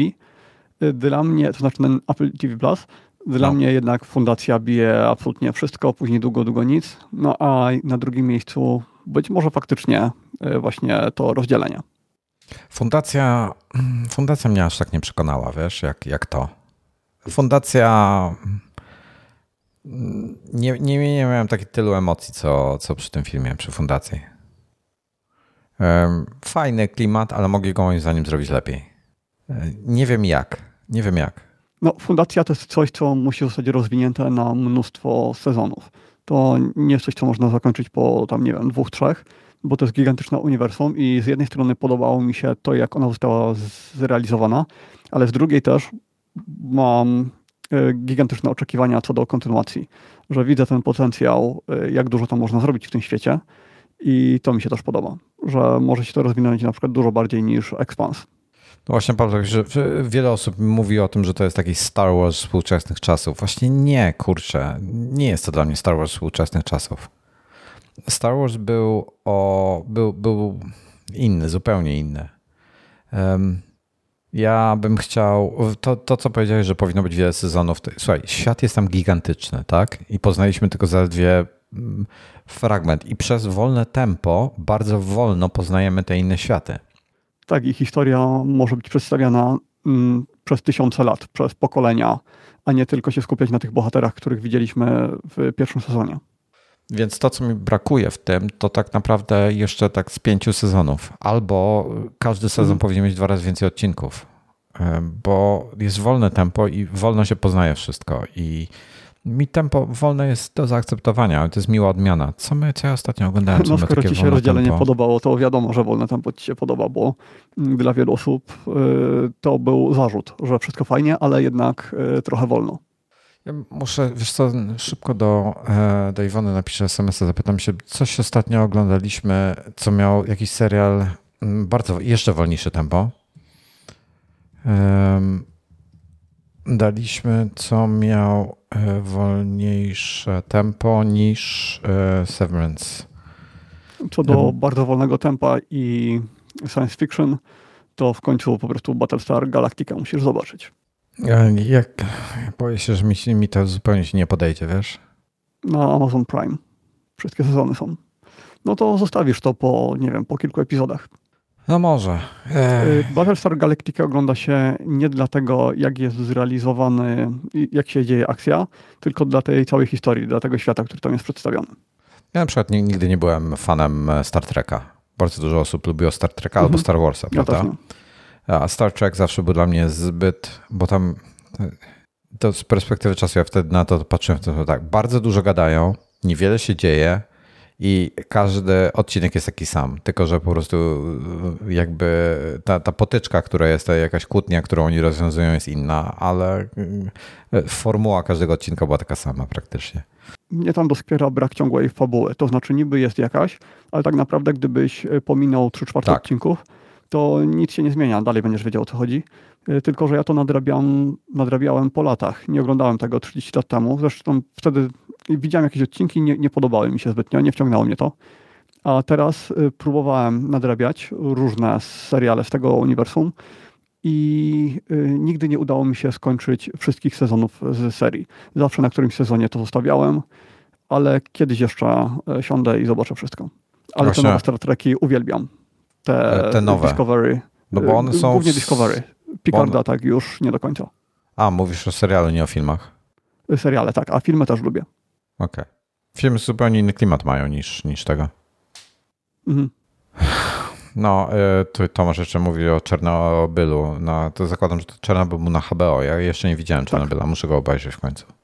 Y, Czernobyl to jest coś takiego, co siadasz i oglądasz całe w jeden wieczór. Dobra, słuchaj, powiedz mi, jak z tym twoim jedzeniem? Mm, no, jeszcze nie musimy robić przerwy. Bo teraz jesteśmy jakby po, e, po follow-upie, a przed odcinkami, więc mogli idealny moment, żeby zrobić przerwę teoretycznie. Zróbmy jeszcze jakiś temat i, i później.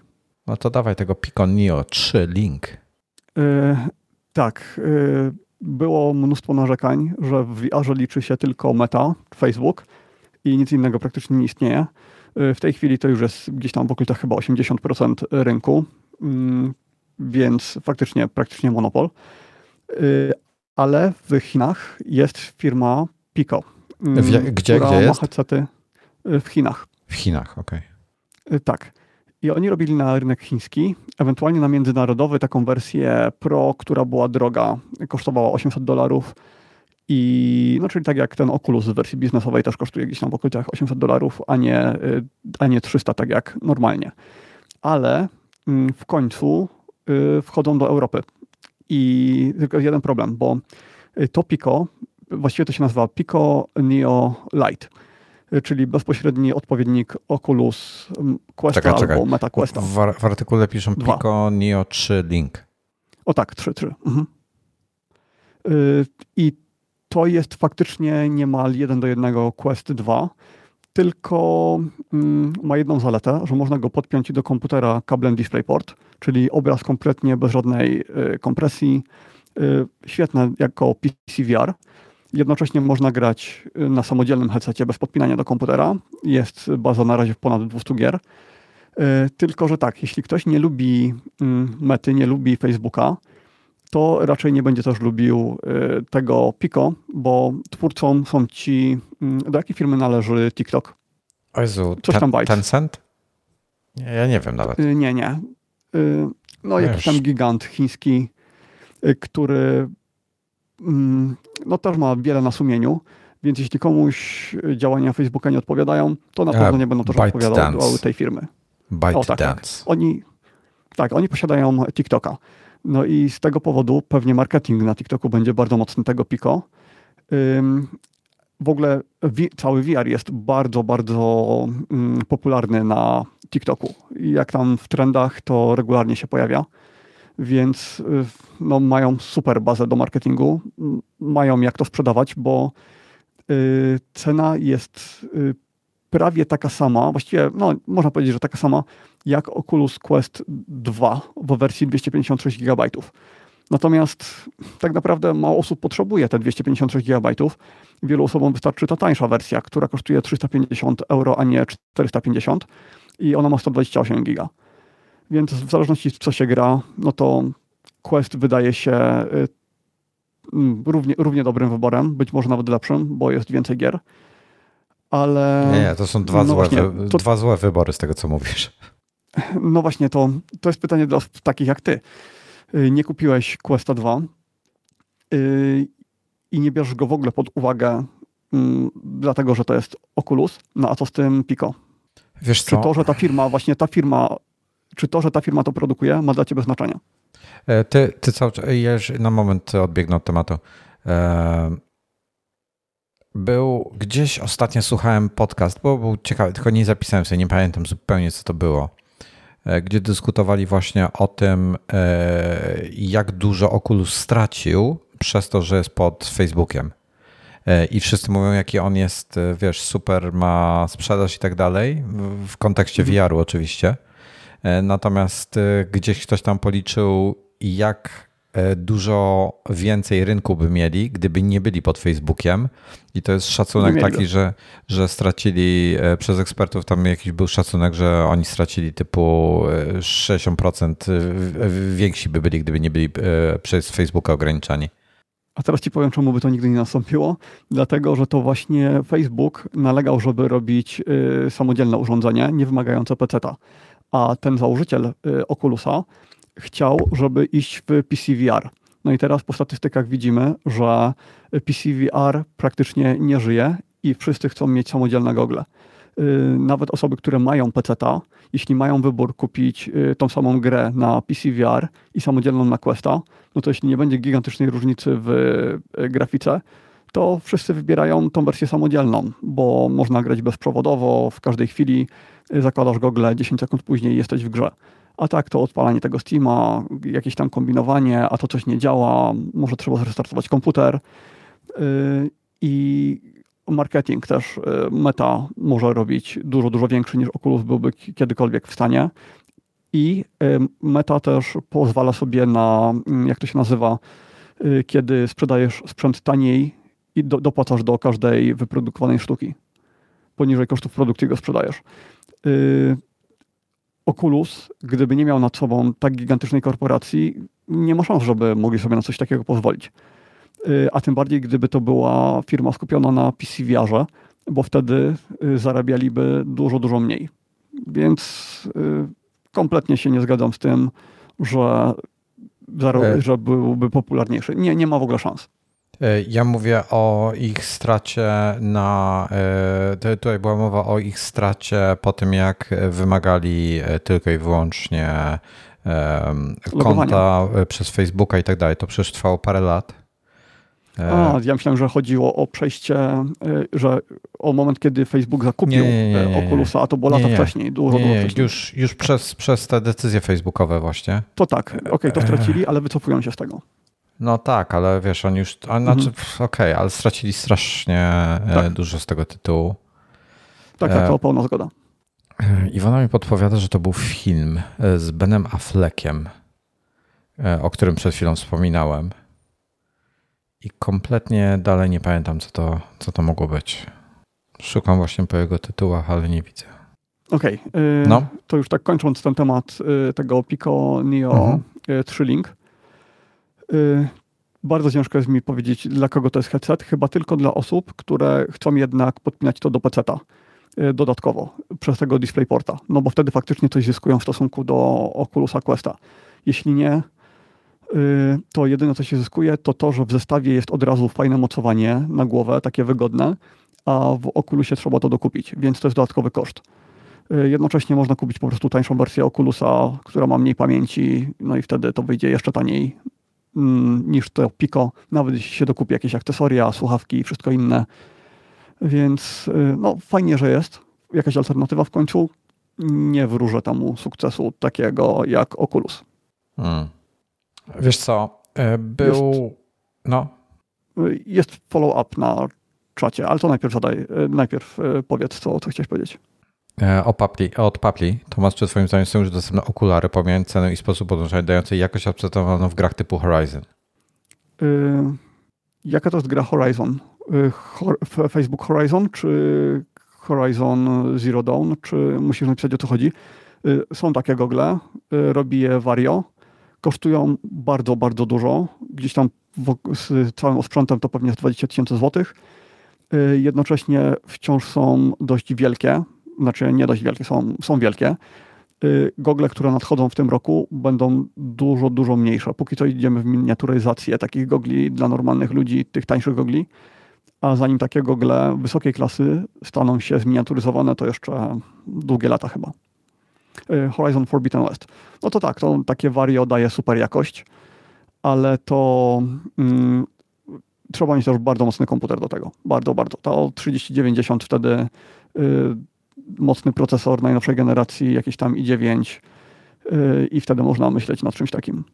Gdzieś dzisiaj, teraz, teraz będzie tak zwana, e, te, jak to się mówi, głuchy tele, teraz będzie głuchy telefon, bo nie pamiętam dokładnie o mhm. jaki procesor chodziło, natomiast gdzieś tam e, na Twitterze znalazłem fajną dyskusję e, między jakimiś dwoma deweloperami i tam szacowali, jaki będzie teraz wzrost wydajności względem, bo to było o nowych iPhone'ach i układach Apple'a.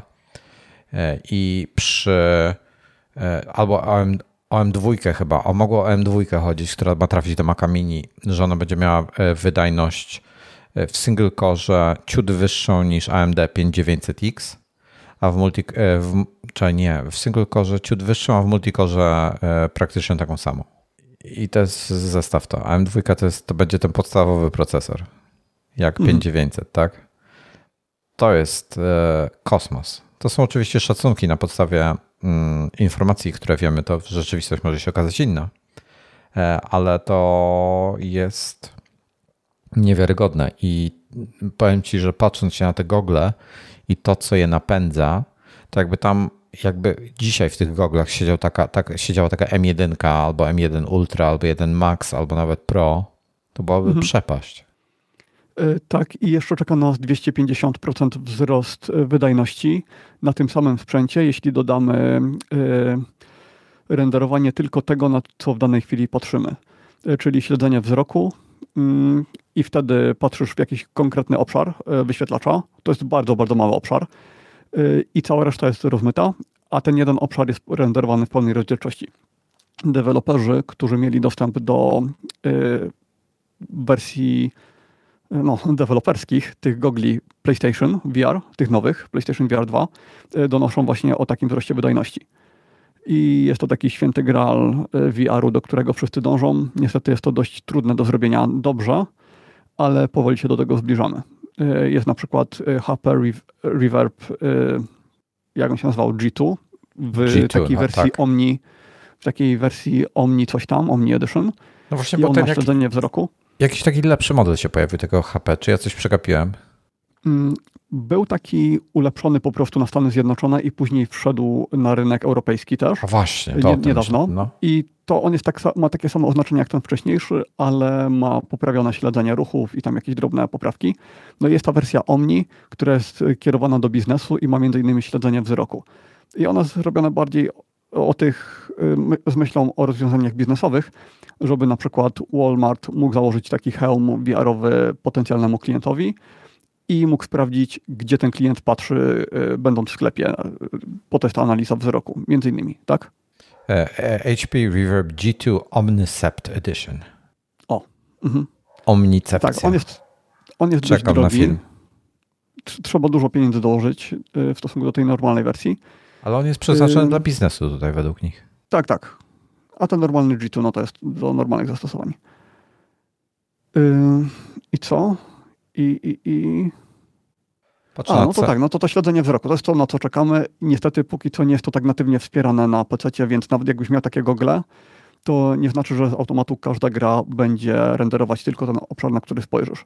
Jeszcze musimy się doczekać jakiegoś natywnego rozwiązania, które będzie to odgórnie robiło. E, właśnie widzę, że, że ten, że River w ogóle jest przeceniony w tej chwili na 570 dolarów z 600, czy 5%. Mhm. E, nie, nie ten, nie, nie mogę znaleźć linka, żeby zobaczyć ile w Polsce kosztuje, ale nie chcę mi się patrzeć. Jest szansa, że to Pico y, no. będzie alternatywą do tego HP Reverb. Y, czekamy na pierwsze testy, które porównają to bezpośrednio. Y, już zapowiedzieli najwięksi youtuberzy, że to zrobią. Zresztą już kiedyś robili testy, gdzie porównywali tą wersję Pro, ale teraz mają się skupić. Jest taki niemiecki youtuber Sebastian, Y, który robi porównania patrząc kamerą przez optykę okularów i w ten sposób widzisz w kamerze dokładnie to, co widzi użytkownik. No tak mniej więcej y, widać podobnie, więc widać te straty jakości, które robi optyka, y, więc będzie można porównać, jak dużo ten DisplayPort wprowadza zmian, jak dużo on daje. No i czy na przykład optyka jest lepsza niż w Questie, czy jest gorsza, ale jest szansa, że będzie to realna alternatywa do tego HP Reverb 2 za dużo niższą cenę. Mm, dobra. Nie, coś jeszcze chce, chcemy na, na temat wiaru pogadać? Nie, lecimy z kolejnym tematem. E, twoje jedzenie? To jeszcze trochę możemy przeciągnąć. Dobra. Y e, Następny temat to jest DALI 2. Świetna tak, w ogóle y nazwa. Jestem zachwycony nazwą. E, jak wymyślili, da, Dali od nawiązania no, do, do, do Daliego oczywiście, Salvadora i do Wally. Więc genialne. E, bardzo mi się. E, mówiłem kiedyś o pierwszej wersji tego rozwiązania e, tak. z rok temu, chociaż ja się wtedy skupiałem bardziej na tym, na czym to dali się opiera, czyli na GT. Jak to było? Jak się nazywa to AI, które OpenAI stworzyło, na którym się opiera to wszystko? OpenAI. Generative Non. Tak, i OpenAI stworzyło taką sztuczną inteligencję, na której między no. innymi y, to oddali się opiera. Y, Generative non coś tam transformer. Y, no nieważne. W trzeciej rewizji to jest obecnie i, no, i na tym się opiera to całe dali, więc powiedz o, o co chodzi. W, w bardzo dużym skrócie E, tu jest zresztą podsumowane w jednym zdaniu. E, DALI 2 potrafi, ja tłumaczę na żywo z angielskiego, więc wybaczcie, e, potrafi tworzyć, a bardzo zły w tym jestem, potrafi tworzyć oryginalne, realistyczne zdjęcia, czy obrazy i sztukę na podstawie opisu słownego, tekstowego. Potrafi łączyć koncepty, atrybuty i style. I E, jak sobie wejdziecie na stronę, to jest openai.com slash dal myślnik e myślnik 2. E, I tam macie, jak tak zjedziecie mniej więcej jedną stronę w dół, gdzie jest to zdanie, które właśnie przeczytałem. To jest DALI 2 can create original realistic images and art from a text description. I pod spodem macie, macie dział text description i macie trzy zbiory, które słów, które możecie, czy też budujecie w ten sposób zdanie. Czyli na przykład e, w, pierwszym, w pierwszej opcji wybiera się astronautę, e, misia takiego pluszowego albo e, łyż, no, talerz zupy. Wybierasz astronautę, odpoczywający, odpoczywający w tropikalnym resorcie w kosmosie i na dole wybierasz potem w trzecim jako pixel art. I on tworzy te rzeczy e, na, na, podstawie, czyli powiesz mu na przykład e, namaluj mi, ja zresztą parę dni temu retweetowałem e, serię obrazów wraz z opisem, bo ludzie wysyłali do jednego z, jednej z osób zaangażowanych w Dali, wysyłali pomysły. Na przykład tam był jeden z nich, który pamiętam, to był króliczy detektyw, który w stylu tam Sherlocka Holmesa, który coś tam robi i, I gość e, odpowiadał, generował taki obraz przez, przez tego DALI 2 i odpisywał. I retweetowałem e, opis użytkownika i potem e, finałowe zdjęcie z tego. I na niektórych rzeczach się czasami gubi, ale generalnie jest coś w ogóle niesamowitego. Jest niewiarygodne. Tak, rezultaty są zadziwiające.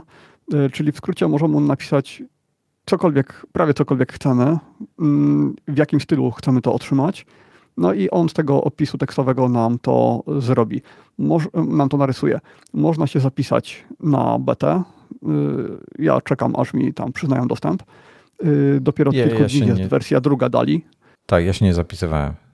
Mm, wcześniej była ta pierwsza, która była bardziej, y, bardziej uboga i w międzyczasie znalazłem, jak się nazywa to całe AI, na którym to bazuje. GPT-3. GPT-3, czyli Generative Pre-trained Transformer 3. Y, y, I to ma gigantyczne możliwości. Na przykład można sobie z tym rozmawiać, prowadzić dyskusje, można to podpiąć pod Excela i zamiast pisać formuły, to możemy mówić, co chcemy uzyskać. No i jedną z funkcji jest y, właśnie to, że możemy powiedzieć, co chcemy, mm, żeby zostało narysowane. I jest to taka funkcja, która, z której chyba najwięcej osób skorzysta. Y, w, no, umiem sobie wyobrazić dziesiątki zastosowań do tego. Od tworzenia jakichś y, reklam, inaczej, jesteś małym przedsiębiorcą, nie chcesz korzystać z grafika do wszystkiego, a tutaj nagle tak, wpisując jednym zdaniem, mm, możesz osiągnąć rezultaty, które bardzo możliwe, że cię zadowolą. I ja bym z tego korzystał namiętnie, powiem Ci, do w, w ilustrowania moich tweetów chociażby albo artykułów mm. Mistrzostw Świata. E, w ogóle beta nie jest otwarta dla wszystkich, głównie dlatego, że mają bardzo um, sztywne content policy a propos hejtu, um, nękania, przemocy, nagości, seksu i tak dalej E, szokujących treści, nielegalnych treści, e, politycznych treści i, i tak dalej. I jest dosyć e, to szczegółowo opisane na, na stronie Content Policy. Jest link na głównej. Więc nawet jak ktoś dołączy do tego, to się zobowiązuje, że takich rzeczy nie będzie tworzył. Zakładam, że inaczej dostanie bana, jak będzie tworzył. I e, ważne jest, żeby zaznaczać, że te obrazy są generowane przez AI. Mhm. A wiesz, że zawdzięczamy to w dużej mierze Elonowi Muskowi? Y, to on jest jednym z głównych funderów, który w 2015 roku y, przyczynił się do stworzenia, założył tą całą fundację, która no. stworzyła y, GPT. No to coś I... dobrego o dziwo zrobił. E, tam, on, on, robi dużo fajnych rzeczy. E, tylko już zrezygnował, chyba po trzech latach zrezygnował e, z udziału w tym Radzie Nadzorczej, czy jak to się to nazywa, czy całkowicie się wypisał z tej firmy. Natomiast no, wpakował w to mnóstwo pieniędzy. Tam też jest bardzo duża kontrowersja, bo jak wyszła druga wersja tego GPT, to um, oni nigdy nie udostępnili kodu źródłowego. Udostępnili tylko kilka procent. E, jednocześnie sprzedali e, to Microsoftowi. To znaczy tylko Microsoft ma dostęp do kodu źródłowego, a innym udostępnili API, z którego co prawda można korzystać, no ale mm, tylko jesteś, nie jest to y, otwarty kod, tak jak y, zakładano, że będzie na początku. Więc mimo, że to jak jest fundacja, wpakowano w to miliardy dolarów w tej chwili już, y, miliardy czy nie, nie wiem, czy dziesiątki miliardów, chyba nie, chyba po prostu miliardy, y, no to trochę słabo, że Microsoft y, to przygarnął dla, dla siebie. Jakby to była komercyjna firma, no to tak, to jasne, rozumiem, że mogliby się po prostu sprzedać. A w mhm. przypadku takiej fundacji to trochę y, dziwne mi się wydaje, że to w ogóle było możliwe. no ale tak, tak jest. No w każdym razie bardzo, bardzo fajna koncepcja. To, to jest takie, wiesz, super imponujące. Mhm. E, Mnie się no. bardzo podoba możliwość zastosowania tego GPT-3 w grach w przyszłości. Czyli zamiast prowadzić rozmowy z, z NPC-ami, gdzie wybierasz mm, z listy wyboru mm, tematy, na które chcesz z nim porozmawiać i masz tam predefiniowane e, odpowiedzi, to mógłbyś po prostu powiedzieć do NPC, co chcesz i on ci wyjaśni, mając informacje z gry, wyjaśni ci, jak dojść w jakieś miejsce, nakreśli ci fabułę w jakiś tam sposób, prowadząc z tobą normalną konwersację. Y, no i wiemy, że raczej to będzie możliwe, bo już y, ludzie to testują na mm, po prostu rozmawiając w formie tekstowej z takimi botami opartymi o to. Y, no ale o tym wszystkim już mówiłem tam, nie wiem, z rok temu albo kiedyś, więc nie ma sensu, żebym powtarzał. Ale widzę wielki, wielki potencjał w tym AI. Jest to chyba najfajniejsze AI, jakie, jakie powstaje. No, jest zdecydowanie. To jest naj, naprawdę najciekawsze AI, jakiekolwiek w życiu widziałem i nic innego tak jakoś mnie specjalnie nie zainteresowało. To jest naprawdę wyjątkowe. No i to, że ono jest takie uniwersalne, że nie stworzone pod jedno konkretne zastosowanie, y, to też jest coś y, niesamowitego, bo jednak AI póki co no, są specjalizowane w jednym konkretnym zadaniu i na tym koniec. No. E, podoba mi się, cieszę się, że mają taki sztywny content policy, bo to ludzka natura to jest taka, że zaraz by tam jakieś z tego porno robili albo jakieś inne polityczne narzędzia, albo Bóg wie co jeszcze, także to jest akurat dobre. E, no ale w każdym razie ten, w każdym razie super sprawa. Ciekaw jestem. Chciałbym mieć, powiem krótko, chciałbym mieć w tej chwili już jakąś aplikację, czy na Maca, czy, czy, czy e, na iPada, czy na iPhone'a, która by po prostu dyktuje, co, co chce, a on mi generuje jakieś, jakąś ilustrację. No to wszystko w chmurze będzie, bo to raczej nigdy nie będzie liczone na komputerze. A, może być strona internetowa, ale wiesz, w sensie tak, tak. E, interfejs, że masz, ale mo, rzeczywiście mhm. może być strona internetowa. E, wiesz, wiesz, co jest najgorsze dla mnie przy czymś takim? Że jakość tych ilustracji nie będzie ograniczona przez te OpenAI, przez tego mhm. DALI 2, tylko będzie ograniczona przeze mnie. Mhm. E, przez y- moją kreatywność i, i, i twórczość. To znaczy e, jakość w sensie takim, no tak, tak, kreatywnym, bo jeszcze jest kwestia jakości e, tego pliku wynikowego, w sensie rozdzielczość i tak dalej. No, no, no, no. chciałbym, żeby, było high, żeby był high res typu 4K lub więcej nawet. Mhm. E, wiesz tak, ale tak. tutaj, tutaj tak wiesz, co, ja sobie przeglądam te, te przykłady, tam pomijam te, co ludzie wrzucają na Twittera, ale na przykład tutaj wybierasz sobie teddy bears. E, mhm. mieszające chemikalia jako zwariowani naukowcy e, w stylu sobot, z, kreskówki z, sobotniego poranka z, z lat 90. Jaka precyzja, tak?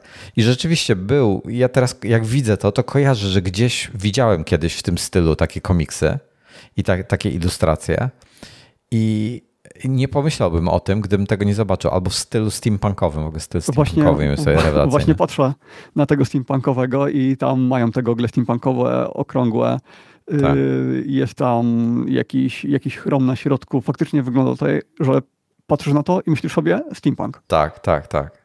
Nie, świetnie, naprawdę świetnie to robią. Mi się jeszcze podobał ten bowl of soup, czyli ta e, talerz z zupą, która i w drugim zdaniu zaznacza, która wygląda jak potwór i w trzecim zdaniu jest e, z, e, szydełkowany z wełny, co jest w ogóle kosmos mm. totalnie, ale bardzo mi się podoba ten spray painted e, on a wall. A czekaj, czekaj, to co powiedziałeś przed chwilą, no. to jest coś takiego, że jak mnie byś to powiedział, ja bym nie miał zielonego pojęcia, co ja mam narysować. A ta, tak. to AI to tak zinterpretowało, że patrzysz na to i myślisz sobie, no faktycznie ma to sens. W sensie dokładnie to wygląda tak, jak wynika z tego opisu. Dobra, to teraz moje pytanie e, do ciebie. Czy to ograniczy wyobraźnię naszą? Nie, absolutnie. Jeśli już to wręcz przeciwnie bo ale, ale czy nasza wyobraźnia w tym momencie, jak będziemy coś, wiesz, na przykład jeżeli ktoś jest ilustratorem i będzie wykorzystał, wykorzystywał, w ogóle po pierwsze, nie, dobra, o, o tym, czy, czy, czy zawód ilustratora jeszcze będzie miał sens, to jest inny temat. E, czy, no, będzie, będzie.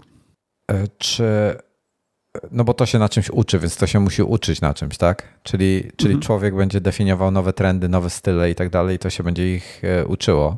Tak, ale ilustratorzy to ci, którzy są znani, to oni raczej nie są znani dla tego, z tego stylu, który y, tworzą, tylko z tym, mm, chociaż to też zależy w sumie, bo styl też może być bardzo unikatowy. Y, no ale na no, przykład taki Paweł Jońca, no to on ma swój styl. Pomysły, tak, y, tak, styl ma, ale też ma swoje pomysły. niezależnie w jakim stylu on by to robił, to te pomysły jednak są na tyle unikatowe, że w każdym stylu by się obroniły i jednocześnie styl również sprawiłby, że nieważne co by narysował, to ten styl sprawia, że to jest unikatowe i yy, no, w jakiś sposób niezwykłe, że mógłbyś to powiedzieć, nieważne jaka treść by za tym stała, to wygląda to na tyle ciekawie wszystko, że nadaje się jako sztuka sama w sobie, żeby po prostu gdzieś tam powiesić na ścianie i jako na przykład element wystroju. Ja w ogóle mam, mam pretensje do Pawła Jońcy. Czemu? Za mało publikuje w iMagazine? Nie, nie, nie. On ma, on ma taki jeden, um, jedną pracę, która się nazywa e, freelancer. i ta praca jest nieuaktualniona. Musiałbym ją znaleźć w tej chwili. Znaczy nie w sensie, że pracuje jako freelancer, tylko że stworzył y, ilustrację o takiej nazwie, tak? Tak, tak, tak, tak. E, przejrzyj ofertę sklepu. Tutaj nie pamiętam, gdzie to było w tej chwili. E, ale ma taki plakat freelancer, który ja chciałem od niego, tylko on jest. Aha, już wiem, wiem co jest problematyczne z tym. On, on go stworzył w wersji poziomej. Ja nie mam miejsca na wersję poziomą, ja bym chciał wersję pionową. E, I to jest mój pierwszy e, brak, że tak powiem, że nie ma wersji pionowej. O, to tutaj AI mogłoby wkroczyć i, mogłoby. i na przykład gdyby Paweł nie chciał tego robić e, samodzielnie, no to mógłby powiedzieć, zrób mi na bazie tego wersję poziomą, wersję kwadratową i jakąś tam jeszcze. No, okej, okay, freelancer. Generalnie jest to takie jakby ujęcie kamera z góry na, są budynki, widać i jedno okno jest zapalone, wszystko jest noc, wszystko jest pogaszone i przez okno a nie, czekaj, bo ma wersję pionową w tej chwili. A, bo dobra, on ma wersję pionową, a nie ma. Nie, ma wersję pionową i poziomą. Już nie rozumiem w tej chwili. Ma, ma wersję Czyli 61. Po prostu przegapiłeś. A, dobra, bo on ma 30 na 40, to przegapiłem. No dobra, to teraz mi się, to już, już, już mi leży. E, a drugą rzecz, którą chciał, żeby, chciałem, żeby uaktualnił, co, czego nie zrobi, e, ale tam w środku jest stary Apple Cinema Display, ten taki, co miał na dwóch takich nóżkach na boku, plastikowy, bez szyby. Taki jeden z pierwszych LCD-ków Apple'owych. Nie wiem, czy kojarzysz. To się też Studio mm. Display nazywało. Apple Studio Display wtedy to się nazywało. To nie wiem, który to. Pierwsza seria LCD-ków Apple'a. Mhm. E, I w tym, ja to chciałem, żeby coś nowocześniejszego e, tam wstawił. Ale tak poza tym, ale jest wersja pionowa. Ja nie jestem przekonany, że nie było jest wcześniej. Jest tylko mała. Klementyna dopowiada, że pionowa wersja jest tylko mała. Tak, bo ten, ta duża jest 50 na 70 i jakby zrobił, znaczy w zasadzie to ona jest 70 na 50, bo jest pozioma, a jakby zrobił tą wersję pionową, to byłoby super, taką właśnie 50 na 70. Bo jest potem 61 na 91, jeszcze duża, duża, no i ta mała jest 30 na 40 Myśmy bardzo odbiegli od tematu. Myśmy rozmawiali o, y, o tym, do czego można zastosować to GPT-3. No. Tak, tak. No w każdym razie absolutnie niesamowite, y, jak to będzie. Mm, znaczy, wiesz co? Słuchaj, z czasem, pytanie teraz tak. Y, w zasadzie nawet nie z czasem, już od razu, y, bo ty piszesz, piszesz, znaczy mówisz, piszesz, mówisz, podajesz, informujesz to AI, że chcesz, żeby Obecnie... coś ci tam stworzyło, tak? Obecnie piszesz. Tak, i nawet e, jeśli oni rozmawiają ale... z tymi bot, botami, które, no, no.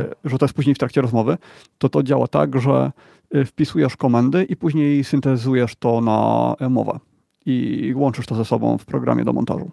E, no i słuchaj, i podajesz te, te, te, te, temu Dali, żeby coś tam ci wygenerował, chciałem powiedzieć, no malował, wygenerował, narysował.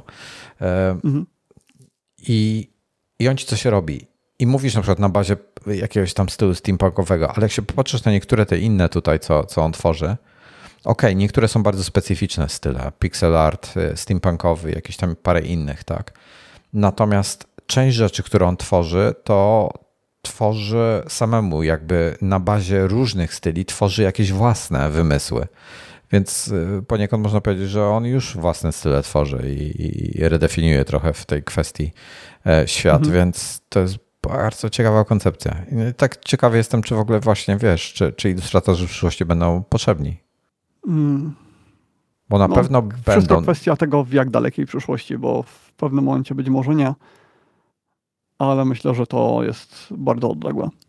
No, no. No w pierwszej kolejności AI to wykluczy pewnie zawody typu y, prawnik, właściwie prawnik może nie, bo tam też ta mowa ma duże znaczenie, ale na przykład y, lekarz, gdzie lekarz y, poświęca kilkanaście, nawet kilkadziesiąt lat na nauczenie się czegoś, na pochłonięcie y, różnych badań, wiedzy, y, jest ograniczony do tej wiedzy i na podstawie tego podejmuje decyzję, że skoro objawy są takie, takie, takie, to znaczy, że choroba jest taka.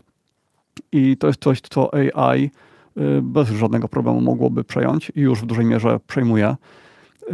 Na przykład analiza, mm, czy grozi ci rak skóry na podstawie zdjęć, znamion, jakieś tego typu rzeczy, y, no to mm, AI mogłoby to robić ze 100 razy lepiej niż lekarz, bo lekarz choćby poświęcił 24 godziny na dobę, to nie będzie w stanie być na bieżąco z wszystkimi badaniami, z wszystkimi y, przykładami chorób, które miały miejsce, y, że takie takie objawy dały taką, taką chorobę. AI może wiedzieć wszystko, może się aktualizować na bieżąco o przypadki z całego świata. Y, a te zawody kreatywne to myślę, że to dopiero gdzieś tam w drugim, trzecim życiu pójdzie. Taki fajny film kiedyś był mm, z Benem Affleckiem notabene. E, nie pamiętam w tej chwili jego tytułu, ale dział się w przyszłości. On był Paycheck. Tytuł był chyba Paycheck, czyli. E, czekaj, zaraz znajdę. Paycheck Movie. Którym on był. Tak, on był w przyszłości bliskiej. E, Michael Jennings jest inżynierem reverse engineer, czyli analizuje technologię klientów i odtwarza ją e, dla zleceniodawcy z poprawkami. E, I ma czyszczoną pamięć, żeby nie pamiętał, co robił. E, I, i tam było, i, i oni tam stworzyli takie właśnie ciekawe AI, chyba było AI, które potrafiło przewidywać przyszłość. Tylko, że to, to, to była taka nie pamiętam dokładnie szczegółów tej chwili, nie pamiętam jaka tam przepowiednia była, ale tam była jakaś tam przepowiednia taka, że e, jakaś e, zaraza zdziesiątkuje ludność, czy coś w tym stylu, e, czy jakaś tam katastrofa będzie. I z tego powodu, z powodu tych ostrzeżeń tego AI, ludność zaczęła się gromadzić w jednym miejscu. I została zdziesiątkowana dlatego, że się zgromadziła w jednym miejscu. Więc wiesz, Jak, jakieś tak, tego typu nie rzeczy. powiedział, to, to bym zobaczył ten film. A tak poczekam, aż zapomnę. Nie, to wiesz co, to nie ma żadnego znaczenia, to nie ma żadnego wpływu okay. na cały film. Cały film jest trochę o, o czym innym, jakby to tylko taka jest, jedna przepowiednia. Czy film jest tak dobry, jak wynika z tej krótkiej opowieści, czy z tej krótkiej zapowiedzi, czy całościowo jest taki sobie? Ech, mi się podobał. Fajny był. Fajny był, bo to był to jest film dosyć stary już. E, on jest z. To jest w ogóle na podstawie powieści Filipa K. Dicka, który jest genialny. E, cały raport mniejszości jest Filipa K. Dicka. To jest z 2003 roku film. No, zobaczę sobie. Czyli już ma 18, 19 lat. Kurde, jak ty się popatrzysz, że już minęło. Ja dalej mam wrażenie, że wie, 2000 rok to było dwa lata temu, tak? A to, to było 22 lata temu. E, no, e, fajny. Paycheck jest fajny całkiem. Z Benem Fleckiem. E, tam ktoś jeszcze gra chyba znany, mianowicie... A, producentem jest ten, John Woo, pewnie go kojarzysz? tak, tak, oczywiście. I, I reżyserem. On takie... Gra tam Aaron Eckhart, to jest z Batmana tego, z tym, Batmana z Christianem Bale'em. Kojarzysz Two-Face? No, no to... to kojarzę jako postać e, w DC, nie kojarzę kto go grał. No to... A nie, a filmu nie kojarzysz? Tego Nolana, trylogii? Y, film kojarzę, natomiast y, ja, taki nie z taką szeroką, postaci, blondy, blondy z taką szeroką twarzą. Hmm. No to on tam gra i gra jeszcze Uma Thurman, modelka. Kojarzysz? Też nie kojarzysz. Czekaj, ona mi się kojarzy no, z... A Kill Bill ona, to, to, to czy to coś tak, innego? Kill Bill, o, Kill tak, tak. to tak, tak. No, także dobra obsada jest. Fajny film. Fajny, mi, mi się podobał. Bardzo takie nietypowe podejście. Takiego filmu jeszcze nie widziałem, w sensie o takiej, tego typu, tego typu pomysł. Ba, bardzo, bardzo ciekawa koncepcja. Polecam. Myślę, że ci się spodoba, bo tam trochę science fiction jest i tego typu rzeczy. Mm, no, polecam. Nie mam pojęcia, gdzie go znajdziesz. Pewnie na HBO Max jest. No, pewnie tak. To nie, nie mam, więc będę próbował wynająć na Apple TV. Jest chyba na Apple TV, wiesz? E, w ogóle znalazłem na Apple TV tego e, kosmiczne jaja ostatnio. Są do wynajęcia za 10 zł. Oglądałem to lata temu, nie mając pojęcia, że to jest parodia jakiegoś filmu, bo to chyba parodiuje Star Warsy, tak? Star Warsy coś tam jeszcze, no. Tak, ja Star Warsy widziałem dużo, dużo później. Mm, więc pewnie będę musiał sobie to zobaczyć jeszcze raz. W złej kolejności. Mając w pamięci Star Warsy. Tak. E, no to tak kiedyś też zobaczyłem jakąś parodię tych mm, film o wampirach taka saga długa, y, co ten, co w Batmanie tam grał. No, um, Twilight Saga? Saga tak, Zmierzch. Tak. O, Saga Zmierzch. Tak, y, to puściłem kiedyś jakąś komedię i nie miałem pojęcia, że to jest parodia tego filmu. I ba bardzo dziwnie się oglądało w komedię w ten sposób, no, no. gdzie wampiry zapieprzają na Segwayach, e, Segway, Segway, Segway, Segway, Segway, Segway no. E, przez las i się zastanawiam, kurde, co, co to jest grane, o co chodzi. I później dopiero jak zobaczyłem w oryginale tą scenę, którą to parodiowało, to nagle mi się tak te wszystkie kropki po, połączyły i zajarzyłem, o co chodzi. Ja muszę zrobić sobie rewatch e, krzyków e, wszystkich, a potem parodii krzyków, czyli jak się nazywało?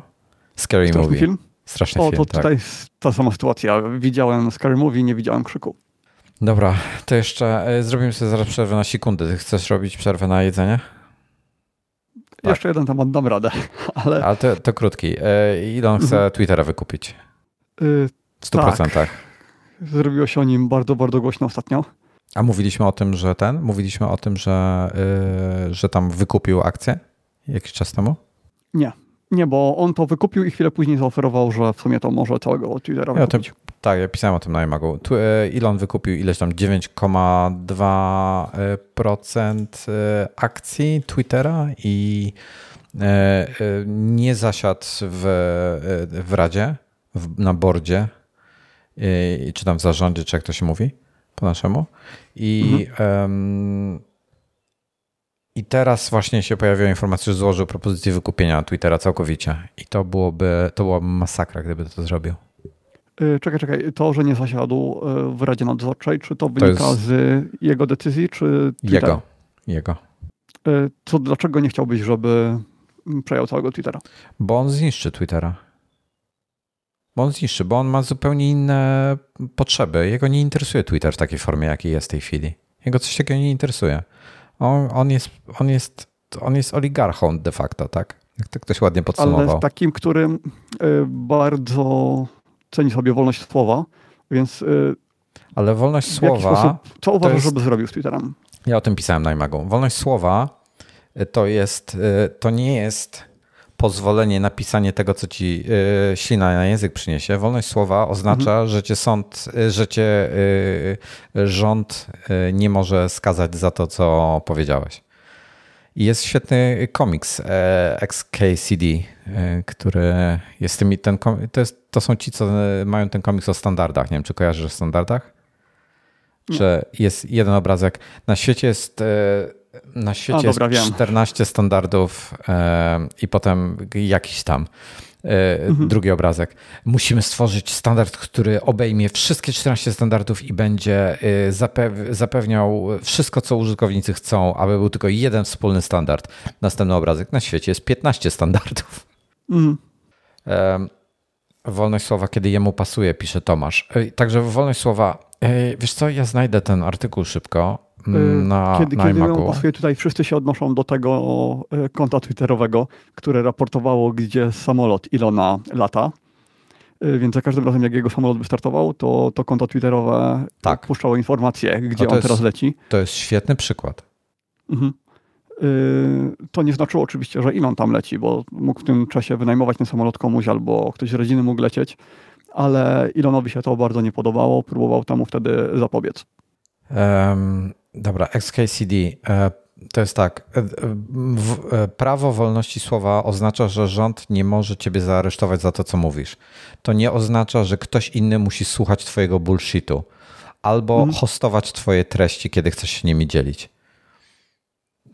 Pierwsza poprawka, to chodzi o USA oczywiście, pierwsza poprawka nie chroni cię przed krytyką albo konsekwencjami.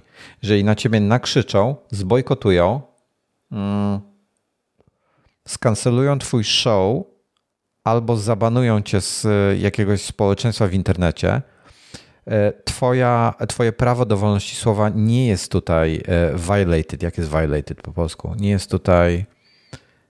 Um, nie, nie, wiem, jak jest violated po polsku. Pokrzywdzo, pokrzywdzona, ale to nie pasuje Czekaj, do tego kontekstu. Violated na polski. Nie są naruszone. O. Czyli twoja, e, twoja wolność słowa nie jest naruszona.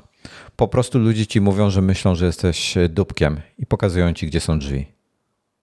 Mhm. I to jest genialne podsumowanie e, tego, bo to, oczywiście tutaj to jest w kontekście wolności słowa w Stanach Zjednoczonych. W Polsce na przykład nie ma wolności słowa nieograniczonego, bo nie można skrytykować prezydenta na przykład u nas, tak? W Polsce jest coś takiego jak yy, z kościołem yy, obraza uczuć religijnych. To gdzie jest to jest największym idiotyzmem. Tak, tak. E, więc tak, w Polsce o żadnej wolności słowa nie, e, nie ma mowy, jeśli mamy coś takiego jak obrazy uczuć religijnych. No u ciebie, u ciebie też jest jeszcze gorzej chyba z tego, co kojarzę. Tak, tak, jest, jest gorzej, tak, tak. E, tam to prawo się zmieniało na przestrzeni lat, mhm. ale jeśli chodzi o rodzinę królewską, to były kary za mm, obrazę. No, ale no. wracając do tego, do tego Trumpa, do tego Ilona, to o, Co według ciebie on by zrobił z Twitterem? On zrobiłby bardzo dużo krzywdy Twitterowi. Po pierwsze, on jest y, y, trochę lekko, jeśli chodzi o NFT i Web 3.0 cały i te wszystkie tematy. Więc myślę, że będzie na siłę coś chciał tutaj zrobić, gdzie większość ludzi po prostu ma tego tematu powyżej dziurek w nosie. Czytałeś, to tak zmienia, znaczy taki real-time follow-up. Widziałeś informację o tweetie tym jako NFT, co był sprzedany Jacka Dorseya? Tak, zamiast zostać sprzedany za dziesiątki milionów dolarów, został sprzedany za 200 dolarów, 200 parę. To sprecyzuję. Ktoś kupił NFT, czyli pierwszego tweeta Jacka Dorseya, Just Setting Up My Twitter, kiedy jeszcze Twitter czyli nie miał... Twittera, tak? Tak, tak. Jeszcze nie było I, ani R, czyli było TWTTR wtedy się nazywał. I i on to kupił za 28 milionów dolarów, czy coś takiego, czy 2,8 miliona dolarów, w każdym razie za miliony dolarów. I chciał teraz sprzedać za chyba 45 czy 54, coś takiego, jakaś taka 48 mhm. może, coś takiego. Tak, tak, jakoś tak. Mm. Pojawiło się kilka, e, a i aukcja była, więc ludzie licytowali i najwyższa e, kwota, jaką wylicytowano, jaką ktoś zaproponował, to było 280 dolarów. I, tak, i i gość nie przyjął, więc jakby powiedział, że może nigdy, e, że może sprzeda, może nie sprzeda. I e, Gruber też komentował to. E, napisał po prostu, może, może nie sprzeda. Mm. Więc I no. Mamy więcej znaków, że szał na NFT się wypalił. Kto to było? Ubisoft czy ktoś tam? Y, próbował sprzedawać y, jakieś NFT i to się okazało kompletnym niewypałem. Mm, już też się z tego wycofali. No mam nadzieję, że to wymrze całkowicie i że NFT kiedyś coś jako podobnego do NFT kiedyś powróci, ale w formie dobrze zrealizowanej, gdzie, gdzie to nie będzie skam, bo teraz to jest. To jest skam. To jest standardowy skam, tak, tak. To jest skam, no dokładnie. Um, z przykrością patrzę na przykład, że Paweł Orzech w tych NFT siedzi i tam coś tam sobie robi. Nie, nie, wiesz co, on to robi... Ja wiem, że to robi eksper jako eksperyment, ale to, jest, to są rzeczy, których nie powinno się w ogóle e, trzymetrowym kijem dotykać. No. E, tak, ale on dzięki temu, że siedzi w tym temacie, to tłumaczy w podcaście, dlaczego nikt nie powinien e, tego dotykać i jak bardzo skamowe to są sprawy. Ja rozumiem, ale mimo wszystko.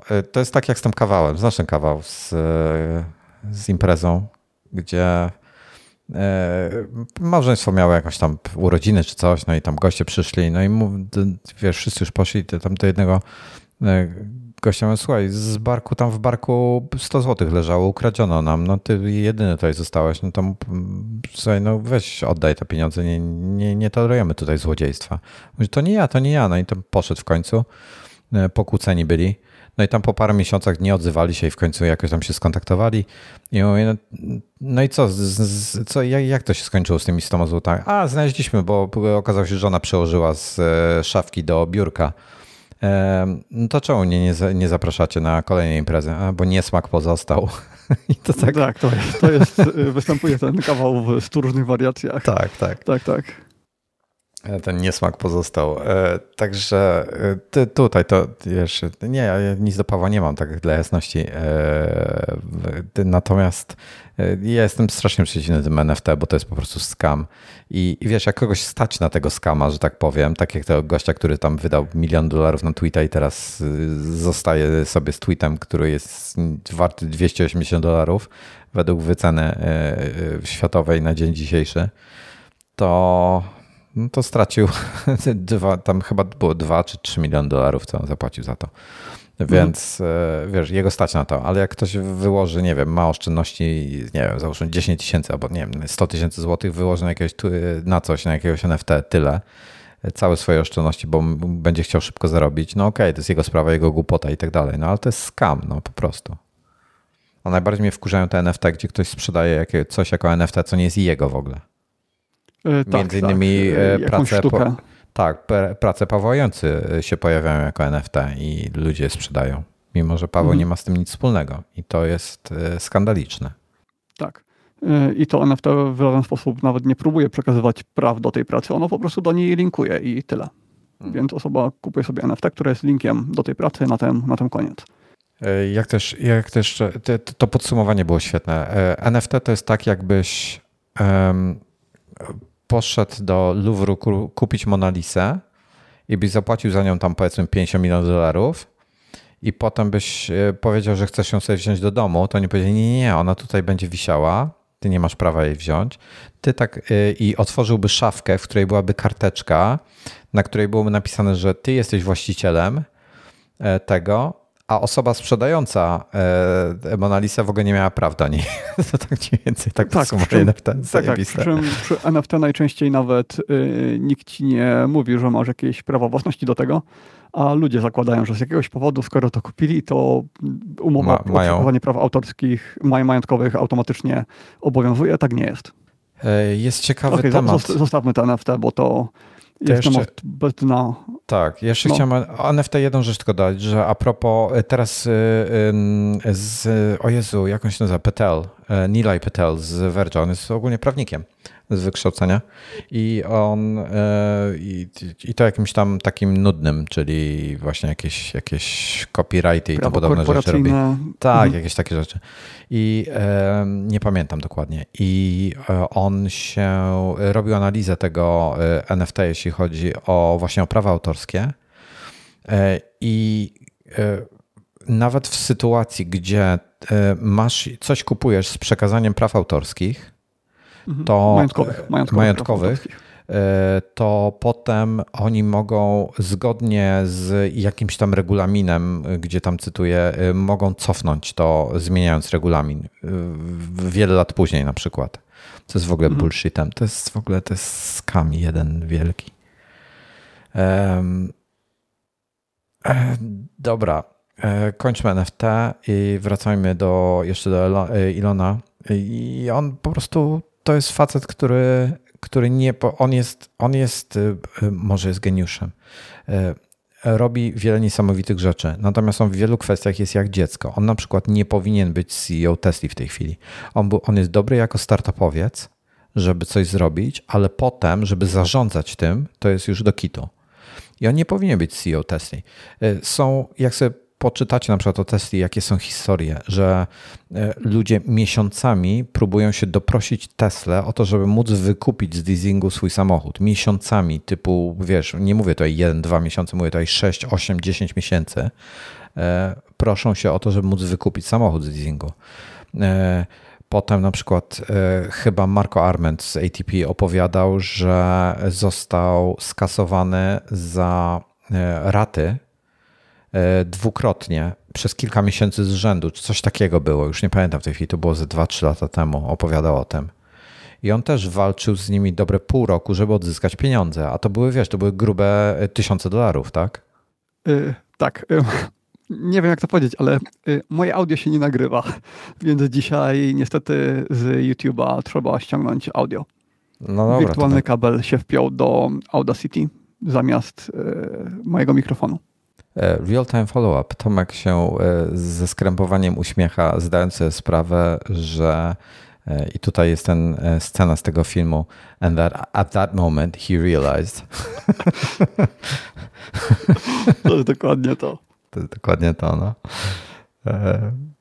No dobra, to z YouTube'a będę musiał wyciągnąć i, i z góry przepraszam, że gorszą, gorszą jakość dzisiaj tak czy tak miała być dzisiaj gorsza, tylko nie z tego powodu, tylko z powodu bieżni. Wyobraź sobie, jaki byłby dramat, jakbyśmy nagrali na bieżni i nie mielibyśmy oryginalnej ścieżki do odszumienia. To byłoby nie, nie do odratowania. A. No dobra. E, także, także tyle, jeśli chodzi chyba o Ilona. Ja myślę, nie, nie dokończyliśmy tematu. Jest wiele, no to moglibyśmy o tym cały odcinek rozmawiać, myślę. E, w dużym skrócie, e, nie jest to dobry człowiek do prowadzenia Twittera, tym bardziej, że on ma w tym osobisty interes. Osobisty konkretnie dlatego, że chociaż to by mu nie pomogło chyba, ale na przykład wiesz, Trump został w końcu, według mnie, zdecydowanie za późno zabanowany z Facebooka, z Twittera za te swoje mhm. wypowiedzi i tak dalej, wiele innych tych. I Twitter działa zdecydowanie zbyt opieszale w tych kwestiach. E, chociaż z kolei w innych działa zbyt drastycznie, więc to jest bardzo. Ja rozumiem, że to jest trudne, e, ale mają taką, a nie inną platformę i wiesz, mogą sobie robić co chcą, tak? Tylko prawda jest taka, że użytkownicy, większość, E, na takiej korporacji potrafi wy, wywrzeć jakiś nacisk. E, nawet nie wiesz, jak wiele osób e, odeszło w ostatnich latach przez ten cały hate speech i brak reakcji Twittera. Ile osób odeszło z Twittera? I to takich fajnych osób, które śledziłem, które po prostu już nie ma ich nigdzie. Nie, niektórzy z nich prowadzą swoje blogi, no to w RSS-ach ich tam od czasu do czasu znajduje. A to były bardzo fajne osoby, które bardzo fajne rzeczy pisały, a, a ten, a przestały, bo, bo mieli po prostu dosyć. I, I jakby my wszyscy na tym straciliśmy. Mm, a z kolei wiesz, jakby większość ludzi nie ma żadnych konsekwencji związanych z tym, że napiszą coś typu no, do hejtowego, tak? Albo jak są te nagonki na ludzi, że, że ktoś tam coś zrobi, to na podstawie jakichś fake newsów. Gdzieś, gdzieś ostatnio też retweetowałem. E, był pokazany e, tweet, który był fakiem i potem korekta tego tweeta E, zamiast skasować tego tweeta pierwszego, tego fejkowego, to ktoś to pisał korektę. I to był jakiś typu, nie pamiętam kto, jakiś typu CNN, e, NBC albo jakiś typu jakaś stacja newsowa chyba, czy, czy, czy jakiś dziennikarz, coś takiego. E, I fake news miał typu, nie wiem, 10 tysięcy retweetów, 5 tysięcy quote tweetów. I potem jak się patrzyłeś na poprawkę, to miał typu 40 retweetów, mm. wiesz tego typu skala. No i co z tego, że on napisał tą poprawkę, skoro, skoro nikt o niej nie wie? E, więc wiesz, to jest taki no, słabe, słabe ogólnie. I Elon ma zbyt dużo. To, to nie jest on, on być może jest genialnym człowiekiem i tak dalej, i tak dalej, ale to nie jest dobry człowiek. To nie jest człowiek, który stara się w jakiś tam sposób tego. Na przykład te, te akcje, co on robi z Teslą, przynajmniej wiesz, ja go nie znam osobiście, więc ciężko mi powiedzieć tej, tej kwestii, ale mówię, jak, jak go postrzegam na podstawie jego działań. E, tam na przykład w Tajlandii, co było z tym, tym, pamiętasz, z tą akcją z tymi dzieciakami co tam jakiś tak, tak. sprzęt wysyła. Wiesz, to w dużej mierze to jest marketing z jego, z jego punktu widzenia. To jest takie, o, jest jakaś okazja, mhm. dobra, robimy jakąś akcję. E, a to nie jest, to nie, nie odbieram to jako, szczera, jako szczerą chęć pomocy, niesienia pomocy ludziom. E, więc wiesz, to, to nie traktuję go jako, jako takiego dobrego człowieka. Zresztą mało kto, kto jest e, milionerem czy miliarderem, jest dobrym człowiekiem. E, więc wiesz, no ciężko, ciężko się do tego wszystkiego odnieść tak prawidłowo i e, odpowiednio, mając tak krótko, tak mało czasu. Znaczy mamy dużo czasu, ale, ale nie chce mi się na ten temat więcej gadać. Natomiast nie uważam, aby to była odpowiednia osoba do prowadzenia Twittera. Czy też nadawania, e, kreowania polityki Twittera. Jestem ciekaw, jakby się Twitter zmienił za jego rządów. Wydaje mi się, że niewiele. No ale to być może się dowiemy. Y, dlaczego mi się wyświetliły dzisiaj jakieś informacje o tym, czy Microsoft y, wykupi Twittera? Czy Microsoft zaproponował w ogóle coś, czy o, o co chodziło? Właśnie nie wiem, bo widziałem dzisiaj rano mi się to przewinęło, ale jakoś nie, nie, nie zbadałem tematu, bo już czasu mi okay, to, zabrakło. To no dobrze, czyli co? Przerwa i. Na sekundę. I kontynuujemy, tak. Dobra, to, to robimy. Znowu nie przygotowałem. Muszę wziąć jakiś taki przerywnik przygotować, animowany. Ja, ja idę jeść, więc 10 to, minut to ile? E, mnie nie będzie pewnie. No, mango sticky rice, więc. Dobra, 11.05. 10 minut przerwy. Napisałem. Zaraz wracamy.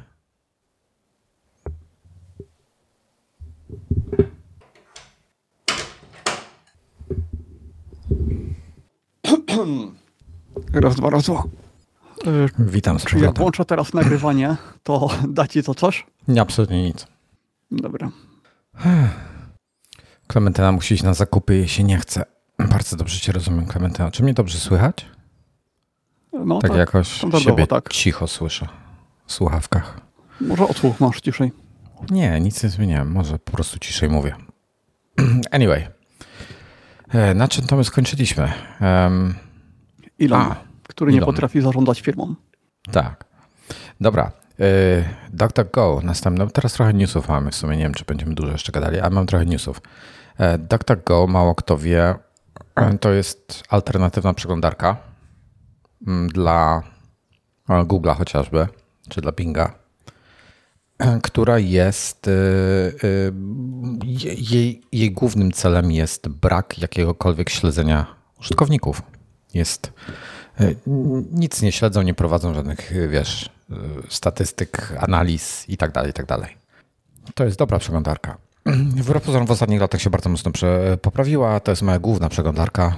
Czasami porównuję wyniki, jak coś szukam, na przykład w, w DuckDuckGo, coś sobie wpiszę w ogóle dużo ludzi narzeka, że e, po polsku ciężko coś znaleźć. E, wtedy. Czekaj, czekaj, jak... bo mieszamy tutaj kwestię przeglądarki z wyszukiwarką. Nie, przepraszam, wy, ma cały czas mam na myśli wyszukiwarkę, cokolwiek bym teraz nie mówił.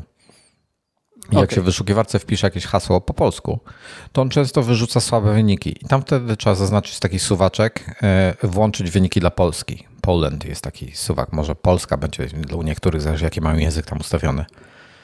I wtedy on zmienia. To wystarczy po prostu jeden, jeden klik. W przypadku anglojęzycznych wyników czasami, wiesz, nie znajduję mi tego, co chcę i wrzucam sobie, e, wtedy się do, do przeglądarki, do hasła wyszukiwanego dorzuca się wykrzyknik G, spacja wykrzyknik G, a gdziekolwiek w zdaniu musi być wykrzyknik G po prostu w, w haśle wyszukiwanym tak tego i on wtedy automatycznie się przerzuci na Google i ci wyszuka w Google. I wiesz co, i tak jak patrzyłem, to są bardzo zbliżone te wyniki. Naprawdę niewiele się między sobą różnią. A tak jak kiedyś próbowałem tego używać, to poddałem się, bo w Google jak ktoś wpisuje, to od razu, nie wiem, wpiszę jakieś miejsce, to od razu mam mapę. Y, wpiszę na serialu, to od razu... Z Apple Mapsem współpracują w tej chwili, także to, to działa. A, to się zmieniło dużo. Albo na przykład wpisuję i jak wpiszę nazwę serialu, to wyskoczy mi od razu jego obsada i wszystko, wszystkie dane bez wchodzenia na stronę, czy trzeba Dobra, jaki, jaki serial? Severance na przykład, tak? No, no. Dobra, z lewej strony mam tak, IMDB, Severance, TV Series. Następny wynik jest e, link do Apple TV Plus do serialu. Trzeci jest do Wikipedii, czwarty jest do Rotten Tomatoes. Mm, piąty jest do artykułu tłumaczący e, serial i odpowiadający na pytania.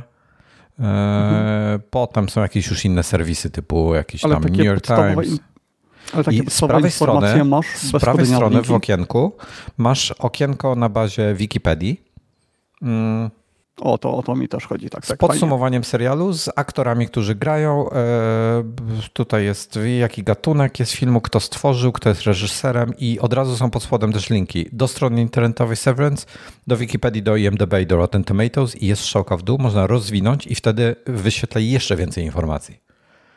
E, więc masz takie rzeczy. Jak sobie wpiszesz jakąś, e, na przykład Monterey wpisałem, jeśli chodzi o, tutaj akurat odniosłem się do nazwy macOSa, Natomiast tak, pierwszy wynik to jest Monterey.org, y, czyli miasto Monterey w Kalifornii. Z prawej strony w okienku y, masz informacje z tej strony, y, link do Wikipedii, masz link mapę gdzie, z Apple Maps, gdzie pokazuje się gdzie jest, masz zdjęcie miasta i możesz rozwinąć sobie i podaje ci jeszcze więcej informacji.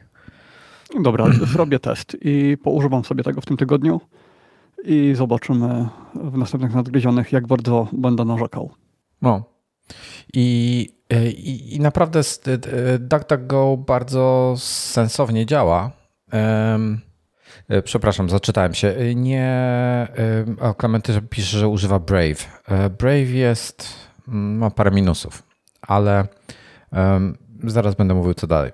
I to jest, to jest wyszukiwarka DuckDuckGo. I ona jest od wielu lat już jako dostępna jako domyślna wyszukiwarka i w Androidzie, w iOSie, i w macOSie i tak dalej. E, nie wiem, czy w Windowsie pewnie też. Mm. I ona naprawdę sensownie działa. 90 ponad procent wyników znajduje w, w tej chwili w tym. w DuckDuckGo bardzo dobrze sobie radzi w wyszukiwarce zdjęć E, czyli jak chcę jakieś zdjęcie znaleźć, to, e, to łatwiej jest często niż w Google, bo w Google w tej chwili mają taki irytujący interfejs na desktopie do tych zdjęć, się w bocznym pasku pojawia to zdjęcie i nawet jak je próbujesz powiększyć, to jest niewiele większe niż ta miniaturka, a tutaj masz normalnie takie duże zdjęcie, wtedy masz przycisk, żeby zobaczyć sobie zdjęcie, otworzyć w nowym oknie, a nie jak w Google życie ja... otwiera artykuł, w którym możesz zobaczyć to zdjęcie.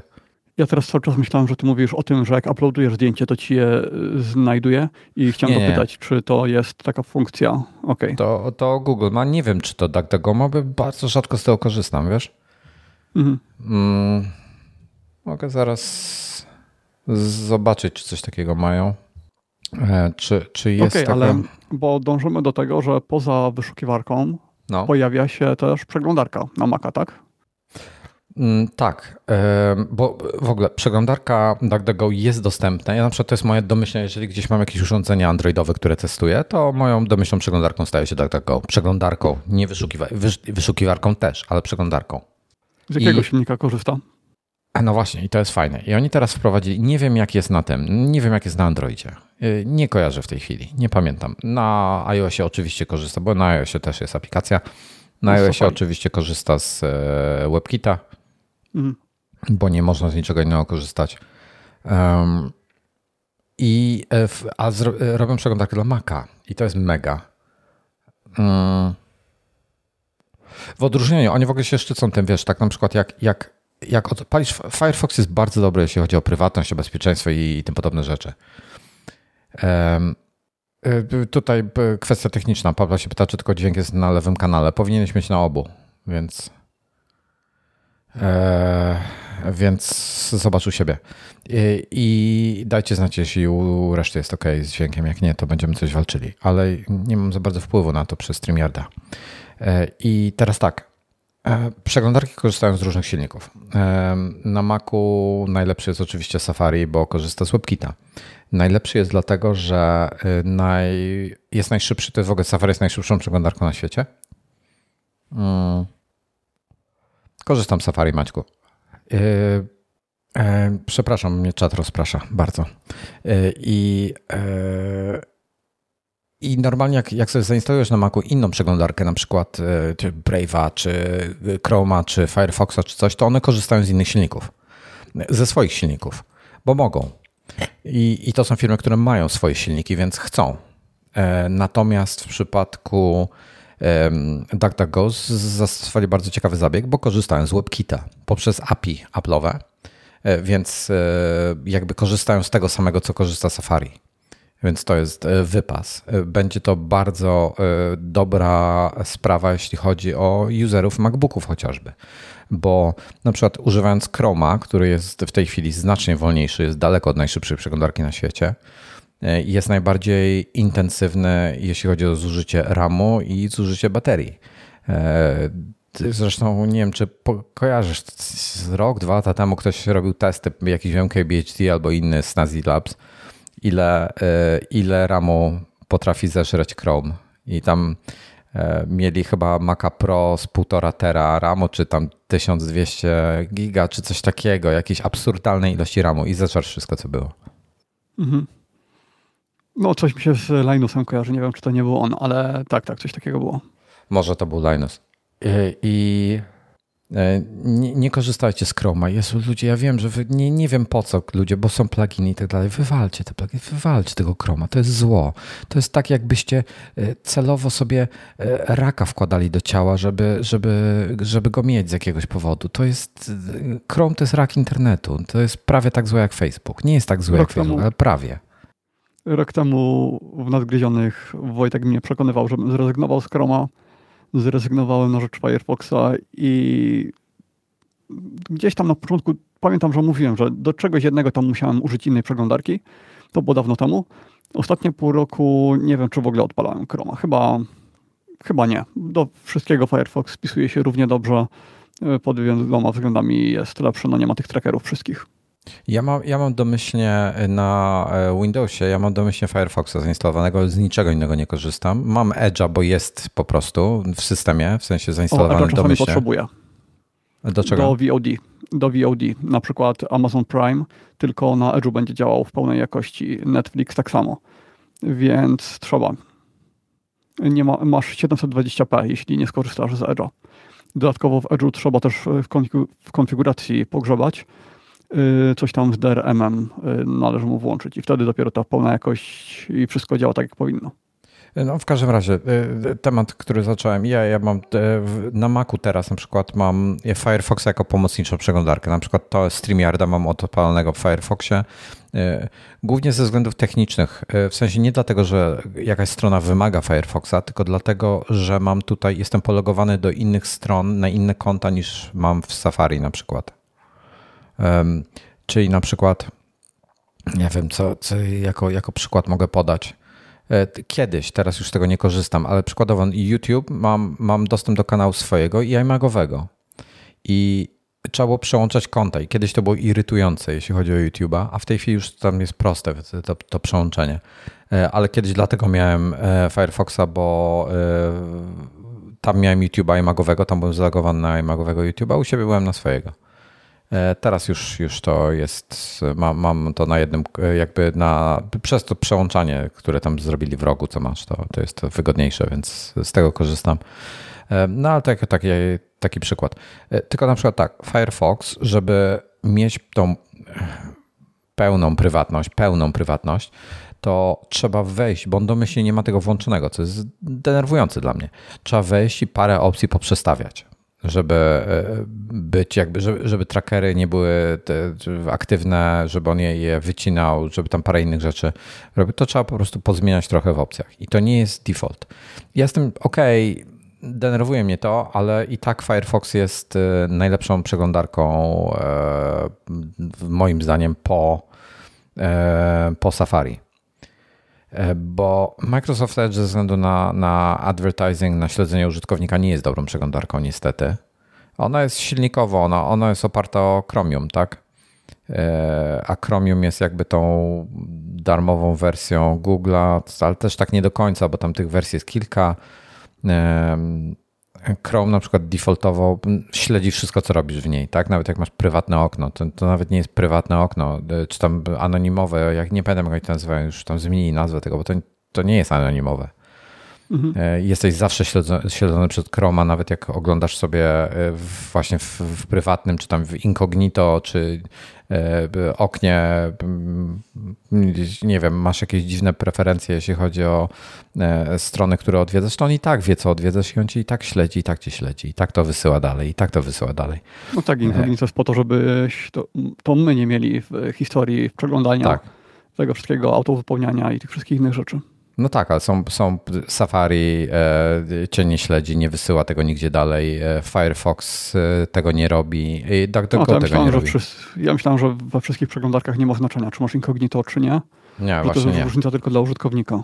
Nie. E, Brave jest taki pół na pół. Mm, przede wszystkim jego minusem jest to, że jest oparty o Chroma ale ma tam, wiesz, oni na początku byli, na początku mieli super tego, ale potem tak zmienili trochę, zaczęli wprowadzać jakieś tam część rzeczy przepuszczają, jakąś analizę jednak robią, bo potrzebują to sprzedawać, żeby mieć jakąś kasę, żeby utrzymać tego, tego Chroma. Wbrew pozorom nie jest, żeby mieć przeglądarkę, to, to jest bardzo droga sprawa.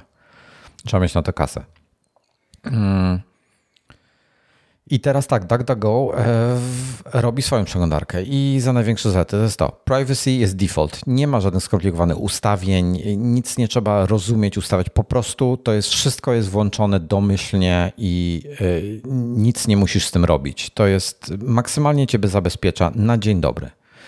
E, I oni robią, mają swoje, swoje trackery i znaczy tfu, blokery trackerów E, ochronę przed tymi pop-upami i tak dalej, i tak dalej. Tam mają swoją technologię. Mają tak zwany ten swój fire button, czyli przycisk ogniowy, czyli jednym klikiem wyczyścisz e, sobie jakieś tam e, historie i inne rzeczy. Przez to, że jest DuckDuckGo dla Maca, przez to, że jest oparty o Safari, no to będzie bardzo szybki. Nie wiem, czy będzie tak szybki jak Safari, ale spodziewam się, że jeżeli nie tak szybki, to bardzo zbliżony. I wadą Firefoxa na laptopach e, jest to, że Firefox na przykład jest prądożerny, jest dużo bardziej prądożerny niż Safari, niestety. Tam było gdzieś porównanie, ktoś jakiś czas temu robił, typu z miesiąc czy dwa miesiące temu gdzieś widziałem.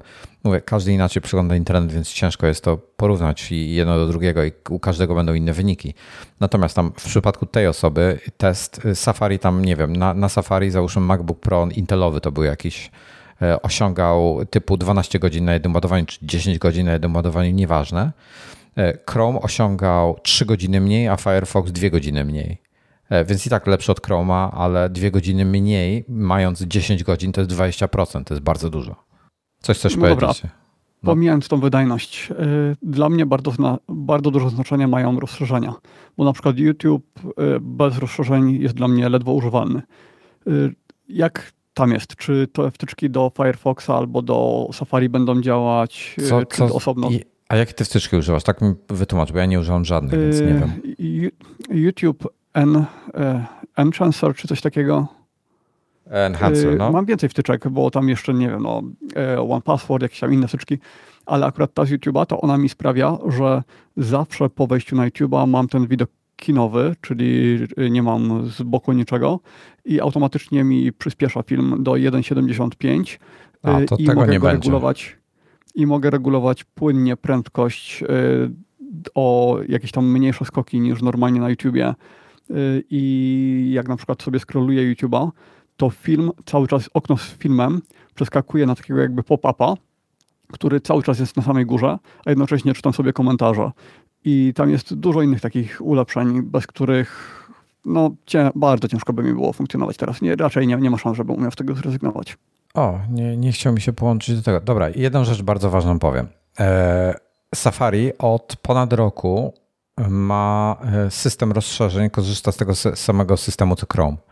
Więc deweloper, żeby stworzyć e, rozszerzenie dla Safari, musi po prostu coś tam, wiesz, dodać na przykład, e, żeby informacji, że ma działać też Safari na tej zasadzie. Ale czy to robią? Nie wiem, bo ja nie mam żadnych rozszerzeń poza One Passwordem, więc ciężko mi powiedzieć. Natomiast w App Store jest normalnie sekcja z rozszerzeniami, pewnie gdzieś w internecie można wyszukać. Jak się nazywa ten YouTube Enhancer? Y, już sprawdzam. E, czekaj. E, enhancer for YouTube. Nie wiem, jak to się wymawia w ogóle. Enhancer, no dobrze mówisz. Enhancer for YouTube. To jest jako extension, tak? Tak, jeszcze mam coś innego. Theater Mode for YouTube. W nawiasie Large Player View, ale nie wiem, czy go dalej potrzebuję, skoro mam tego, tę, tą drugą wtyczkę. E, e, na, mam... Po prostu napisz, o YouTube Enhancer for Safari z 19 roku, coś. Mam nie, też z iClouda wtyczkę.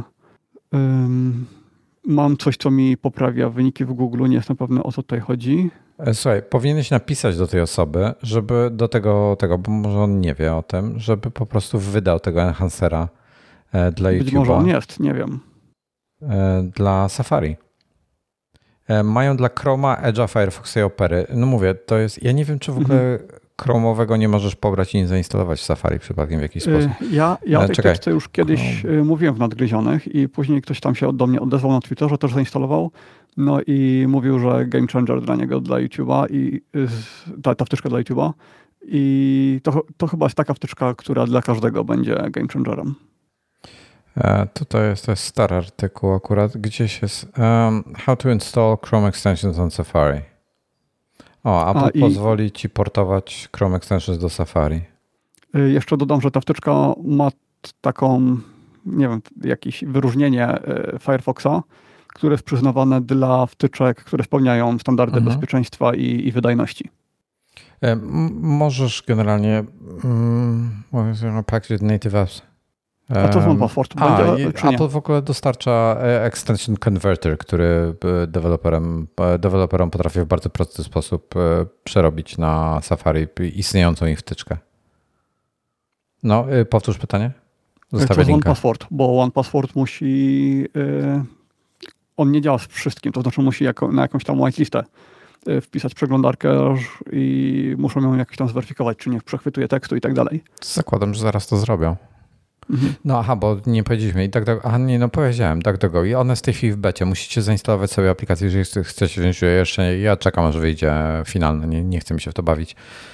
Generalnie musicie w aplikacji DuckDuckGo na iOSie albo Androidzie wybrać tam opcję, że chcecie dołączyć do bety na Macu i wtedy dostaniecie coś tam, informację jakąś odpowiednią i będziecie mogli wtedy sobie zainstalować DuckDuckGo przeglądarkę na Maca. Także o, tutaj jest tego, Heisenberg się pyta, bardzo ważna rzecz. Nigdy w życiu tego nie róbcie. Nie trzymajcie haseł ani niczego w żadnej przeglądarce. Od tego jest iCloud Keychain, od tego jest OnePassword, od tego są inne narzędzia. Nie wiem, jakieś LastPassy, KeePassy, cholera wie co. Nie, nie znam się na tych innych. Nie używajcie mm, tego w ten sposób. Papla pisze, że coś działa z Safari, ale nie wiem co. E, ale e, tak jak mówisz, e, czy ten One Password będzie działał, jeżeli on sprawdza, czy to jest WebKit jakiś tego, to, to jest, wiesz, powinien być widoczny ten DuckDuckGo, przeglądarka powinna być dla Safari, dla One Passworda widoczna jako Safari, więc powinno działać. Ja gdzieś, nie wiem, czy to właśnie nie Paweł Orzech, czy to on czasem nie mówił, że nie ma One Passworda. Właśnie dlatego, że no, trzeba go white, zwhitelistować. Jedną rzecz Heisenberg polecę ci E, to zaraz będzie. Jeżeli nie ma jeszcze, to zaraz będzie. On używa OnePassword, ale zawsze czuję obawy, gdy mnie przeglądarka pyta. E, ale to możecie, wyłączyć. Tak, możecie wejść sobie do ustawień przeglądarki i wyłączyć um, funkcję pytanie się, czy chcecie zapisać hasło. Wyłączcie to w cholerę, to nie ma żadnego sensu. Tak, bo to jest wtedy podwójne pytanie. W sensie OnePassword tak czy tak się zapyta. Tak. E, ta jego wtyczka się zapyta, czy chcesz zapisać i tylko tam powinieneś zapisywać. No, no, także, także jestem ciekawy, jak wyjdzie już wersja, na razie bety nie będę oceniał, bo tam pewnie jakieś, jakieś no jak to beta będą, jakieś bugi, jakieś inne rzeczy, ale, ale jak wyjdzie pełna wersja, nie sądzę, abym miał potrzebę się przerzucać Safari, ale fajnie, że będę miał alternatywę, którą będę mógł używać też jako zamiast Firefoxa albo obok Firefoxa na przykład. E, to mhm. mnie cieszy. Hmm, także tyle. Zresztą Firefoxa i tak warto mieć, bo Firefox jest oparty na innym silniku. E, i na Gecko. I czasami, jeżeli coś przypadkiem gdzieś pod Safari nie chce działać, bo ktoś źle zakodował stronę, e, czy też nie wziął pod uwagę, że są użytkownicy Safari na świecie, e, to można po prostu wejść w Firefoxa i odpalić. A jeżeli mi strona nie supportuje Safari, nie supportuje Firefoxa, to znaczy, że ta strona mnie nie interesuje, już po prostu olewam to. Mówię, sorry. No, tyle. Tyle się chodzi o tak, tak go. Ale ciekawostka, znaczy w sensie yy, cieszy, cieszy mnie to, że oni, oni się rozwijają w ogóle. Yy, bardzo fajna rzecz. A do tego YouTube NHC napisz do nich. Jest, jest, ja ci, będzie w opisie link do artykułu na TechCrunchu, który mhm. Romena Dileta, który opisuje to. To znaczy nie ma jakiejś silnej potrzeby, no bo ten Firefox, tak czy tak używam obecnie Firefoxa, mhm. Y, gdzie to działa. Ale na przykład y, tobie by się to na pewno przydało. Jeśli używasz YouTube'a, to, to jest super rzecz. Dobra, e, zdjęcia. E, iPhone w tym roku w ogóle Apple, o, mówiliśmy o tym jakiś czas temu, e, w styczniu to było. Apple ogłosiło iPhone Macro Challenge w tym roku, no bo iPhone 13 Pro ma tą funkcję robienia zdjęć makro i tak dalej. Ogłosili konkurs. Ogłosili konkurs. Powiem ci, Tomku, nie wiem, czy widziałeś te prace. Widziałem niektóre i teraz sobie przeglądam ich stronę. Robią Kurde. wrażenie. Ale kosmos, co? Mhm. Naprawdę jestem pod wrażeniem. Tylko to są makro takie. To, to nie są, to znaczy, jeśli to nie jest jedno do jednego. to do fotografii, znaczy, jeśli tak. porównujemy to do makro robionego na y, aparatach cyfrowych, takich normalnych lustrzankach, bezlusterkowcach, no to to nie jest makro, to co tutaj pokazują, to jest po prostu dużo zbliżenia. A takie makro, które my znamy z aparatów, to są zbliżenia wielokrotnie większe jednak. Dobra, e, generalnie makro chyba zgodnie z definicją to musi być e, skala odzorowania 1 do 1. E, z tego co pamiętam. Mm. Ja na przykład mam obiektyw ten Zeissa mój, który jest reklamowany jako makro przez Zeissa, ale to nie jest prawdziwe makro, bo ma skalę odzorowania 1 do 2. I, I o ile mogę z, z, na przykład zrobić w nim na, ty, na tyle zrobić zdjęcie ekranu, że widać piksele poszczególne, co zresztą było widać na którymś wideo, jak porównywałem tam ekrany Steama, Switcha z iPadem chyba i z iPhone'em. E, to nie jest to jednak makro 1 do 1 i iPhone nie robi 1 do 1, no ale to już makro od, chyba od wielu lat po prostu chodzi o, o zdjęcie, z, tak, duże zbliżenie. Idealnym przykładkiem są te płatki śniegu. Mając, jak myślimy o makro płatka śniegu, no to jeden płatek śniegu, który widać tam każdy detal. A tutaj to jest zdjęcie, gdzie są jakieś tam włosy czy coś i mnóstwo tych płatków, które mają faktycznie widoczny kształt, no ale jednak y, są widoczne gdzieś tam z oddali. Ja nie, nie, nie są jakieś gigantyczne. Ale nie spodziewałem się, że w ogóle będzie widać strukturę, mimo wszystko. To jest końcu, kurczę, telefon w naszej kieszeni, tak? Hmm. Tego, tego, tego płatka śniegu. E, powiem Ci jedną rzecz. E, z tego, co pamiętam, jeśli chodzi o definicję makro, taką bardziej precyzyjną, to to jest skala odzorowania 1 do 1 oznacza, że jeżeli przedmiot ma 1 cm w świecie prawdziwym, czyli masz na przykład, nie wiem, płatek śniegu ma 1, 1 cm, to e, on będzie na matrycy, która ma tam 36 na 24 mm pi razy drzwi, full frame, tak? Mówimy tu o full frame teraz. Mhm. To ona na tej matrycy względem tej matrycy też będzie miała 1 cm. Tak rozumiem, że to jest skala odzorowania 1 do 1. I um, czyli, czyli pi razy drzwi będzie to 1 trzecia y, szerokości matrycy. Jak ona ma 36 mm, a to ma, y, czyli w tym momencie powiedzmy miałoby 12 mm, no to to byłaby 1 trzecia matrycy. Y, czyli to tak duże by było na, na zdjęciu. Um, czyli bardzo duże, a nie malutki płatek na tle wielu innych rzeczy. E, więc iPhone'owi daleko do takiego odzorowania pełnego, prawdziwego makro, ale już od dawna tak, to potocznie się mówi. W Wikipedii e, napisali coś podobnego, że to obiekt jest takiej wielkości jak w rzeczywistości lub większej. No więc tak, Canon, Canon ma takie, takie słynne, słynne obiektyw 5 do 1 robił zbliżenie, znaczy odzorowanie. Taki, taki wysuwany był, taki teleskopowy. Nie wiem, czy kojarzysz. Mm, nie, tego konkretnego nie. Taki bardzo, bardzo specyficzny obiektyw.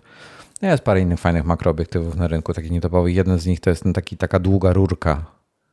Kojarzysz może? Z Nikona? No, chyba Nikon to robi. Taki, taka, taka, wygląda mhm. jak taka długa, długa rurka. Tak, tak, bardzo cienka i można tym robić ujęcia niesamowite, bo ten obiektyw można wpychać e, gdzieś tam w miejsca, gdzie bardzo ciężko dotrzeć normalnym szkłem, Dokładnie. więc e, fajne ujęcia ludzie robią. No, także, także e, wiesz, ale powiem ci, że wiesz, kurde, no niesamowite foty, po prostu niesamowite. Um, ja się będę dzielił teraz w tym, tym, w tym nowym iMagu, który będzie. Będzie dużo, e, będzie wątek grubszy fotograficzny, nie będę zdradzał szczegółów teraz, właśnie smartfonowo-fotograficzne i tylko trochę od innej strony niż makro. Mm, więc e, zresztą zobaczysz. No, już z góry do niego zapraszam, bo, bo zaczyna się mocno zmieniać w temacie fotografii. iPhone jeszcze nie, nie dotarł do tego, ale zaczyna naprawdę, naprawdę się zmieniać. E, także no. Tak, a teraz przeglądam nie iMagazine, tylko strona Apple'a, gdzie to jest wszystko opisane. Mhm. Widzę tam kilka dodatkowych zdjęć, których wcześniej nie widziałem. No. Y, no i wszystkie robią ogromne wrażenie. Prawda? Albo kolorystycznie, albo kompozycyjnie, albo y, no super foty, naprawdę. To bardzo mi się podoba to z tymi takimi y, żelkami w wodzie. Wygląda jak jakieś Tak, tak, takie uniwersum. nie wiedziałem co to jest na początku. No. Jedynie te zdjęcie z płatkami śniegu mi kompletnie nie pasuje do tej całej reszty. No. Bo to jest taka fotka, którą każdy by mógł zrobić bez najmniejszego problemu, bez żadnego pomysłu. Yy, Ale ten płatek nie, śniegu jeden może jest, jest wczytał, fajnie. No. Może jakbym się wczytał, to może za tym stoi coś e, głębszego, jakaś dłuższa historia, e, ale cała reszta zdjęć fajna. No. Ta pajęczyna tak średnio. No, znaczy wiesz, fajne, bo ładnie no, zrobione. Tak, to też takie bardzo proste zdjęcia. Mhm. Ale to jest proste zdjęcie do zrobienia. Nigdy nie robiłem, bo, bo, bo nie, ale, ale nie jest to trudne. Um, mhm. No, bardzo ładnie, wiesz, najgorzej jest, jest to zdjęcie z takim czerwonym kwiatem, takim kielich jest i w środku widać te nasionka. Tak. E, to to jest chyba to jest jedno ze słabszych, bo jest bardzo ostre światło i to widać na tej e, na, na, na brzegu tego kwiata, że, że to jest ostre słońce. Ale wnętrze jest bardzo ładnie e, na, na, ale narysowane. Dzięki temu, ale dzięki temu, że to światło jest takie ostre, to ta struktura wyszła z kwiata bardzo intensywna. Tak. Gdyby było miękkie światło, no to jednak e, byśmy tego nie mieli, więc coś tak. za coś. No.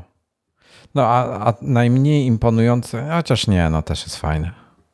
No, e, powiedziałbym, wszystkie są naprawdę, naprawdę zacne. Mhm. E, wiesz, to z tym liściem, takim zielonym jest, widać bardzo ładnie strukturę tego liścia. robiłem parę takich fot, mam parę takich fot liści porobionych. Kilka z nich gdzieś tam publikowałem w iMagu. I y, nigdy nie natrafiłem na takiego fajnego liścia, który miałby, że sam liść ma taką fajną strukturę. I bardzo ładnie podświetlone jest w ogóle to zdjęcie. Tak ktoś ładnie tak, światłem operował. On nie jest taki prosty, tam się bardzo dużo dzieje na nim. Mhm. Są tak naprawdę chyba dwa liście, bo, on, bo to jest albo zagięty liść, taki, że on tak faluje, bo widać, że są dwa różne poziomy tutaj. Tam, tam z tyłu jest. Wydaje mi się, że są dwa różne. Mhm. Albo dwa różne, no tak chyba też bym tak, tak, tak podejrzewał, bo to nie wygląda na zagięcie, to wygląda na brzeg tutaj. I potem jest ten spadek jest, na drugi poziom. To jest słaby temat do podcastu, bo jak ktoś nie tak. uruchomił tej strony, to od 15 minut nie ma pojęcia, o czym my tutaj rozmawiamy. Dokładnie. No w każdym razie y, będzie link, będzie, będziecie mogli sobie wejść na stronę Apple i sobie poprzeglądać te prace. Naprawdę bardzo, bardzo fajne. Tak, żelki są chyba moim numerem jeden. O, żelki są niezłe, co? A to są żelki? Czekaj, aż muszę do, doczytać. Właśnie nie pamiętam już. Siglas. A nie, to szkło kolorowe. Jeżeli Siglas. No, co by to nie było, wygląda. A nie, tak jest tytuł. Mhm. Tak jest tytuł. Siglas jest tytuł. A Siglas is eroded by thousands of miles traveling. A nie, to jest szkło. E, czyli e, Siglas to jest szkło, które e, przepłynęło w wodzie, oceanach i tak dalej tysiące mil i trafia gdzieś tam na jakieś wybrzeże. I on mówi, że on szedł na plaży, oglądał sobie zachód słońca i pozbierał trochę tego. Mm. I zrobił zdjęcie. Zakładam, że to jest w jakimś tym zrobił, no w jakiejś szklance czy w jakimś innym pojemniku, jakąś cieczą. Ale nie wiem skąd te kolory uzyskał. No jakoś tam coś pokombinował, no. Żeby to tak wyglądało, bo to też takie nie jest proste. Mhm. To nie wygląda jak czysta woda, to wygląda trochę jak taki coś gęstszego. Ale i, i nie wiem skąd ten kolor jest. Ale naprawdę, zdjęcia zacne. Polecam wejść, e, po, popatrzeć sobie jako, chociażby jako inspirację. Bardzo fajne rzeczy. Dobra, next. E, mamy e, to newsowo trochę. Za tydzień jakoś więcej będzie w sobotę chyba. Nie, tą, nie, nie jutro, tylko za tydzień już mówię konkretnie. 22 kwietnia, czyli tak, za tydzień. E, jest odznaka dla e, osób, które mają Apple Watcha do zdobycia e, z okazji Międzynarodowego Dnia Ziemi, więc wystarczy dowolny trening 30 minut lub dłużej i dostaniecie tą nagrodę tego dnia. Pojawi powinno Wam się pojawić powiadomienie w Apple Watchu typu dzień, czy dwa, czy trzy dni wcześniej, że coś takiego będzie. To ja mam off-topic. Czy zacząłeś włączać treningi, kiedy chodzisz na bieżni używając komputera? Mm, iPhone'a mam w kieszeni. Mhm, ale treningów nie włączasz? E, czasami mi się zdarza, ale jeżeli robię trening, to włączam sobie inny. Nie indoor walk? Nie, walk? bo indoor walk nie wiem dlaczego nie nalicza mi w ogóle czasu. Czyli mogę chodzić przez dwie godziny, a i tak mam 0 minut. O, to ciekawe, to jest jakiś błąd. O. Kiedyś bo mi naliczał. czas. Kiedyś mi naliczał, w tej chwili mi nie nalicza. Nie wiem dlaczego, nie mam pojęcia. Ja bym chciał, żeby mi nie liczył. Może to się da gdzieś zmienić, bo chodzenie to jest dla mnie dziwne, że on uznaje zwykłe chodzenie jako trening. No bo jak to porównać do jakiegokolwiek normalnego treningu, do siłowego czy do biegania? No, ale no, chodzisz tak czy tak. Więc... No tak, ale on inaczej liczy to, jak, jako w sensie nie y- nalicza ci tak dużo kalorii spalonych, tak? E, tak, ale na statystykach, jak później sobie sprawdzisz, ile ćwiczyłeś w ciągu roku, no to ja z tych statystyk wynika, że jestem jakimś atletą. Że no tak. po 4 godziny dziennie i więcej ćwiczyłem przez ostatnie miesiące. No. A kiedy tak naprawdę nie ćwiczyłem prawie w ogóle, tylko po prostu robiłem spacer na, na tej bieżni i tyle. No. Więc no. ja bym nie chciał mieć, ja bym chciał mieć tak jak ty masz. A, no to się zamienimy Apple Watchami. Tak, i jednocześnie chciałbym mieć poprawne wyniki y, kroków w aplikacji fitnessowej, no dlatego te treningi włączam. Ale okej, okay, no to pogrzebię w opcjach, może to się da gdzieś skonfigurować. No jako ciekawostkę ci podpowiem, że ten, że zacząłem nosić w kieszeni telefon, nie jest to zbyt wygodne, ale staram się o tym pamiętać i naliczam mi te kroki rzeczywiście prawidłowo wtedy. Mhm. E, co dalej? E, dalej mamy, e, była, był w, w Warszawa, Audi City w Warszawie był Dakarowy Audi RSQ e-tron, który ma parę ciekawostek technologicznych w sobie. Artykuł jest na iMacu. Wczoraj, wczoraj go opublikowałem. Będzie link w odcinku. Zapraszam do przeczytania. Generalnie.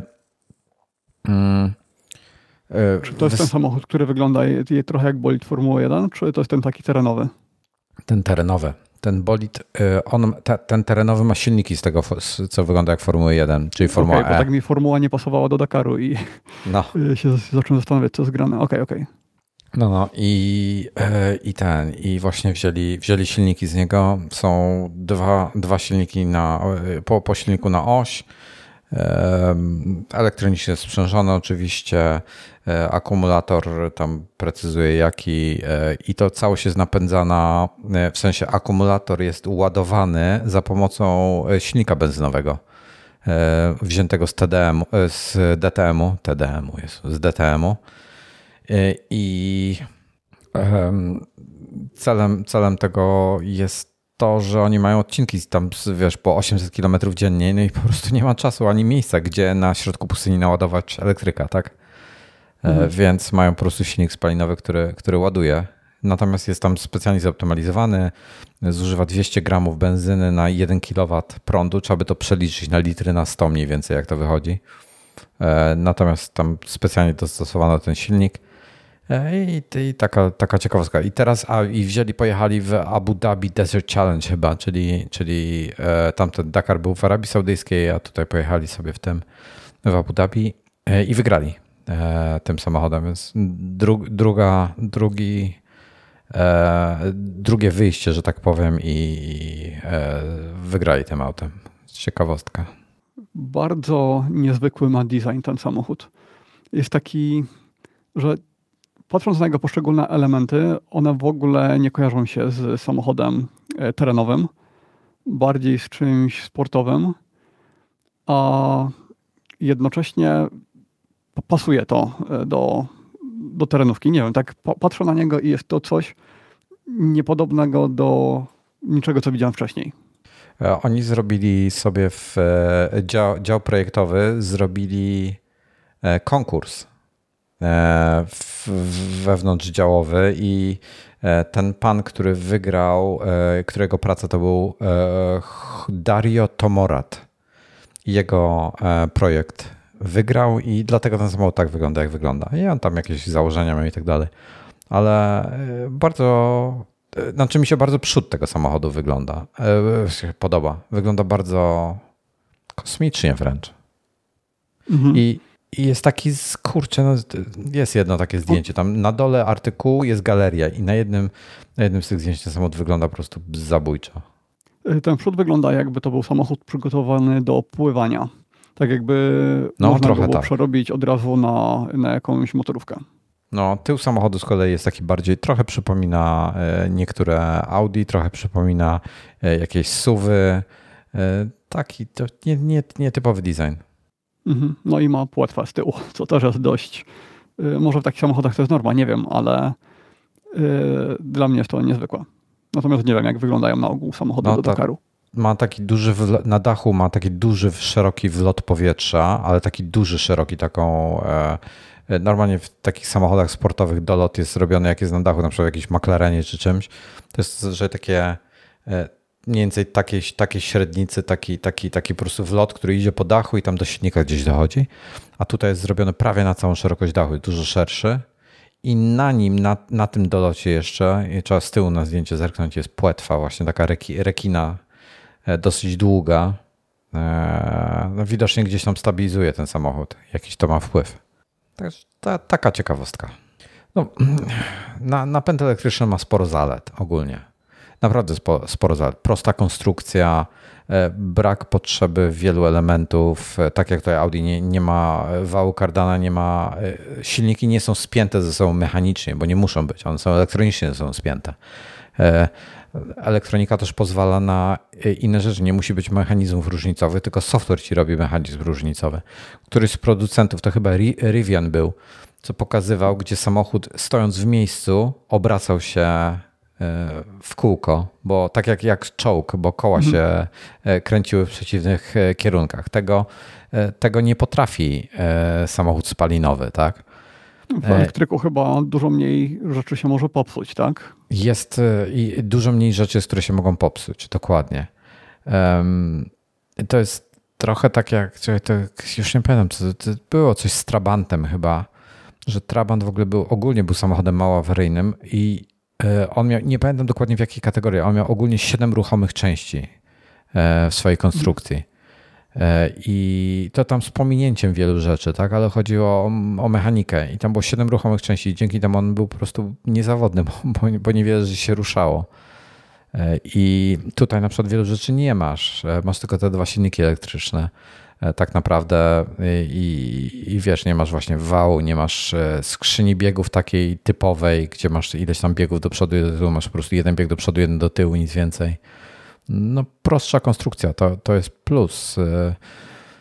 Natomiast wiesz, problem problem jest, gdy gdy, samo, gdy producent samochodu ma sieć dealerską. Dealer musi się z czegoś utrzymać. Dealerzy się nie utrzymują ze sprzedaży samochodów. Jest to jakiś tam zastrzyk gotówki dla nich, ale niewielki. Oni się utrzymują z serwisu. E, a gdy e, potrzeby serwisowe dramatycznie spadają, e, to wiesz. No może dlatego nie ma takie parcie na wprowadzanie subskrypcji do samochodów. Na pewno to jest, to jest jedna rzecz. Potem niektórzy po prostu bardzo mocno, jest mniej rzeczy do robienia, ale wszystko jest dużo droższe. E, więc wiesz, no taki. Tak, tak, no, muszą coś wymyśleć. Także to wiesz, jakby to nie oznacza finalnie, że, że my będziemy, e, być może dzisiaj mając elektryka płacimy mniej za serwis, bo nie musimy oleju wymieniać, nie musimy się babrać w jakichś rzeczach. No, ale finalnie na, na jakieś tam absurdalne odległości wystarczają. Tak, tak, tak, ale, ale z czasem gdzieś będziemy musieli za to zapłacić, bo inaczej po prostu nie będzie serwisów samochodowych. No. Wiesz, wyobraź sobie, że masz warsztat, gdzie masz jeden samochód w tygodniu ci przyjeżdża na serwis. Mhm. To, to się nie utrzymasz, no nie ma opcji. E, także, także tyle. E, bardzo ciekawe, ciekawy ten. Zapraszam do artykułu, tam są jeszcze linki. E, kiedyś Dakar oglądałem namiętnie jeszcze, dawno temu, jak byłem, jak byłem gówniarz, ale jakoś tak Przestałem i nie oglądam, ale można sobie obejrzeć, bo na stronie Audi jest tam z 18 odcinków wideo takich dłuższych. Można sobie włączyć podsumowanie Dakaru właśnie. No i co? Jeszcze na koniec e, chyba ostatni temat na dzisiaj. E, podwójna ładowarka, e, twój zasilacz od Apple'a z dwoma USB-C. Już sobie muszę to uruchomić, ale to nie jest w sprzedaży, prawda? Dopiero jakieś nie, tam nie, to gdzieś wyciekło. Ja się zdziwiłem, że poprawiłeś się z ładowarki na zasilacz. Myślałem, że jestem jedną osobą na świecie, która ja zwraca na to uwagę. Ja to zamiennie używam, wiesz? Hmm. Ja chyba nawet producenci używają tego zamiennie. W każdym razie yy, tu jest wersja amerykańska, więc amerykańska ma te dwa takie bolce, więc one tutaj się chowają, one jest dosyć płaska w konstrukcji. Nie wiem zupełnie jak europejski odpowiednik będzie wyglądał, gdzie mamy troszkę inne to, to te, te wtyki. Mm. Brytyjska to jestem w stanie sobie wyobrazić, że po prostu do tej konstrukcji dowalą takie trzy, te trzy pręty wystające. Mm. Natomiast nie wiem, gdzie te pręty będą w europejskiej wystawały. Czy od spodu, czy może na, na raczej od spodu. Raczej nie na górze na przykład, po no, przeciwnej stronie to, od portów. Jeśli zrobią tak jak do tej pory, to, to od spodu pewnie. E, no i, e, i tutaj są dwa porty e, USB-C. Zakładam, że ona ma mieć. Przy, ma, widzisz, ile, ile watów to ma? 35. 35. A jest, dobrze, już, już widzę. 35 watów. To jest taka już solidna, solidna. To jest taki typu dwa iPady naładować szybko, tak? Co prawda iPady biorą chyba do 30 no watów. No, iPada to nie naładuje. Tak, tak, to wtedy z ograniczeniami mocnymi naładujesz. Ale już to, ale wiesz, ale i tak jest szybciej. 18 ma tam, ile, ile było? 35 czy 17,5. E, to i tak naładujesz szybciej niż y, taką zwykłą ładowarką 12 czy 10 W. Dają chyba tak, 10, tak. 10, 12 watów, coś takiego dają w standardzie. Ja chyba mam 20 e, kupioną, sobie do iPada dokupiłem, a można ładować 30, w sensie 30 chyba weźmie. No, tyle. Znaczy jedna rzecz, ładowarki zasilacze Apple są drogie. Nie da się ukryć, są drogie, ale są bardzo no dobre tak. jakościowo. Jak, jak są czasami gdzieś się pojawiają na jakichś kanałach, na jakichś filmach e, czy na jakichś stronach, e, porównanie, e, gdzie, gdzie wybebeszają ładowarkę po prostu i pokazują, jak ona jest zbudowana w środku. Są pomiary, jak trzyma napięcie, jaka jest stabilność tej ładowarki itd., tak itd., tak to Apple'owe są naprawdę top, tak, jeśli o, o te rzeczy chodzi. Ale to tak, kosztuje. Tylko one są, tak, tak, kosztuje, ale też mobilność na tym cierpi bo Anker i tam ogólnie konkurencja e, potrafi zrobić zasilacze, które mają na przykład więcej portów, są mocniejsze i jednocześnie bardziej kompaktowe. Wiesz co, kiedyś, to jest tak, na, nawet, bo ja w tej chwili tak się właśnie zastanawiałem i właśnie z, ponownie zdałem sobie sprawę z tego, ile zapłaciłem za ten komputer, co tutaj przede mną stoi. I e, to, to, to, pytanie od zawsze, wiesz, kupujesz, czy to jest smartfon, czy iPad, czy komputer, czy on kosztuje, e, smartfon na przykład jak kupujesz nowego iPhone'a, kosztuje e, ile? 5 tysięcy, tak? I potem podpinasz do tego ładowarkę za 50 zł, która nie potrafi ci utrzymać prądu. Wiesz, jest. Tak, ale tutaj są... porównujesz, tutaj mówisz o słabych ładowarkach, ale tak. mamy firmy, które robią też dobre ładowarki które mają więcej tak. funkcji, więcej portów, power delivery i tak dalej i które trzymają zaraz, napięcia dobrze. Tak, tak, zaraz, zaraz do nich przejdę. I, I wiesz, i masz takie, takie tanie ładowarki. Na przykład, wiesz, ja mając komputer, który, który y, kosztował bardzo dużo pieniędzy i dalej nie rozumiem, dlaczego tyle wydałem, ale tak się stało to nie, nie podłączę go do ładowarki za 100 zł. No po prostu no nie zrobię tego, no bo wiesz, jak coś szlak trafi, to po pierwsze będę bez komputera, a po drugie e, będę się pewnie męczył z gwarancją, bo nie wiadomo jak tam, czy nie będą robili problemów z tego tytułu, że używam jakiejś dziwnej ładowarki e, itp. itd. Więc wiesz, wolę wydać 300 za ładowarkę i mieć porządną. Mhm. Zresztą to samo tyczy się iPhone'a czy, czy tego po prostu. Zresztą ładowarkę kupujesz raz i masz ją na lata, tak? Więc to jakiś nie jest jakiś tam duży problem ale e, Apple'owe ładowarki mają tą wadę, że tam jest, e, tam jest zazwyczaj tylko jeden port. I jadąc na przykład na wakacje, e, mając iPhone'a, Apple Watcha, iPada, MacBooka, przykładowo bierzesz te sprzęty, no, potrzebujesz mieć cztery zasilacze. Mhm. I to jest upierdliwe. Ja do tego celu mam dwa rozwiązania. Mam plug baga od 12 South, to jest do Apple'owej ładowarki taka dokładka, gdzie są dwa dodatkowe porty USB-A. Jeden ma tam chyba 2,1 A, drugi ma 1,2 albo 1,0 A, coś takiego. E, więc jeden jest typu taki typu 5 W do iPhone'a zapewnia, a drugi zapewnia tam typu 10-15 e, W do iPada. E, I to jest ok. Drugą ładowarkę też mam tak, że się doczepia ten Apple'owy zasilacz od spodu więc on jest jakby, y, dalej działa jako Apple'owy zasilacz, natomiast są cztery porty USB-A i on jest okrągły i on ma wymienne wtyki. To jest ten taki, jak, jak te takie travel adapters są, czyli ma tam wtyki europejskie, azjatyckie, amerykańskie, y, brytyjskie i tak dalej, tak każdy rodzaj. I to jest dla mnie wygodne w podróży, bo mam jedną e, ładowarkę. I najwygodniejsze dla mnie to jest to, bo w sumie mam na tym pięć portów, czyli cztery USB, a jeden USB-C i wykorzystuję to do wszystkich naszych sprzętów, bo jak jedziemy, no to Iwona ma ze sobą e, Apple Watcha i, e, i iPhone'a, a ja mam zazwyczaj e, Apple Watcha, iPhone'a i iPada. Więc akurat się mieścimy. Jak coś trzeba jeszcze doładować, no to albo mamy jakąś luźną ładowarkę jedną, na przykład do jakiegoś Kindla czy do czegoś, albo po prostu się, wiesz, zamieniamy. No, jednocześnie wszystkiego nie musimy ładować w tym samym A czasie. To dla mnie w mobilnym zasilaczu ważne jest to, żeby on się nie wpinał bezpośrednio do ściany, tylko żeby najpierw miał kabel. Najlepiej jakiś długi, dwumetrowy. Do tego, że w hotelach i wszędzie e, często gniazdko jest trochę zbyt daleko i jakbym chciał mieć przy łóżku e, telefon, zegarek, no to wtedy muszę mieć osobny przedłużacz. E, dlatego używam takich, które mają kabel po drodze i na przykład Anker ma fajne rozwiązanie. Anker PowerPort e, czekaj, e, uruchomię sobie to. Anker PowerPort Atom 3 Slim. To jest czteroportowy zasilacz 65W właśnie na kablu. E, no i jest mobilny bardzo. Ma taką wyjątkowo ultra slim e, obudowę. Szeroka, ale płaska. Taka kwadra, kwadratowy kształt, tylko że taki kwadrat spłaszczony. A ja sam używam jakichś tam innych bo kupowałem zanim ten Anker wyszedł, ale właśnie w bardzo, bardzo podobnej konstrukcji, przy czym ten Anker jednak jest wybitnie mobilny. E, no i obsługuje Quick Charge 3 i Power Delivery, co dzisiaj w sumie jest chyba standardem, ale na przykład jeśli ktoś ma mm, Switcha, Nintendo Switch i chce go zabierać ze sobą, no to wtedy musi być mocny port ładowania. I, no ale to tak samo w sumie do laptopa, więc jeśli coś da radę naładować laptopa, to pewnie Nintendo Switcha e, też da radę. E, ale widzisz, Anker, ja coś patrzę tutaj, ma jakoś tak strasznie słaby wybór tych. Nie wiem, nie, nie wiem, czy ja jestem na ich amerykańskiej stronie. Nie wiem, czy oni mają europejską stronę? Nie wiem, ja jestem na tajskiej.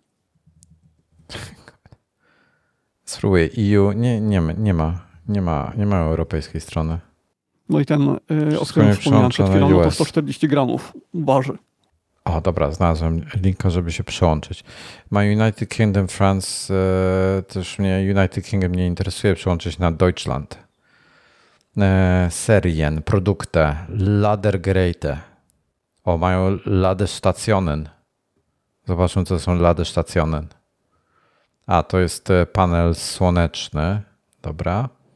To Ladergeräte znowu. E, damy sobie Food Laptops. Zobaczmy, co mają. I właśnie, tutaj jest słabo, powiem Ci. Najmocniejszą mają to jest 65 W z tego, co widzę. I, Chyba tak. Mhm.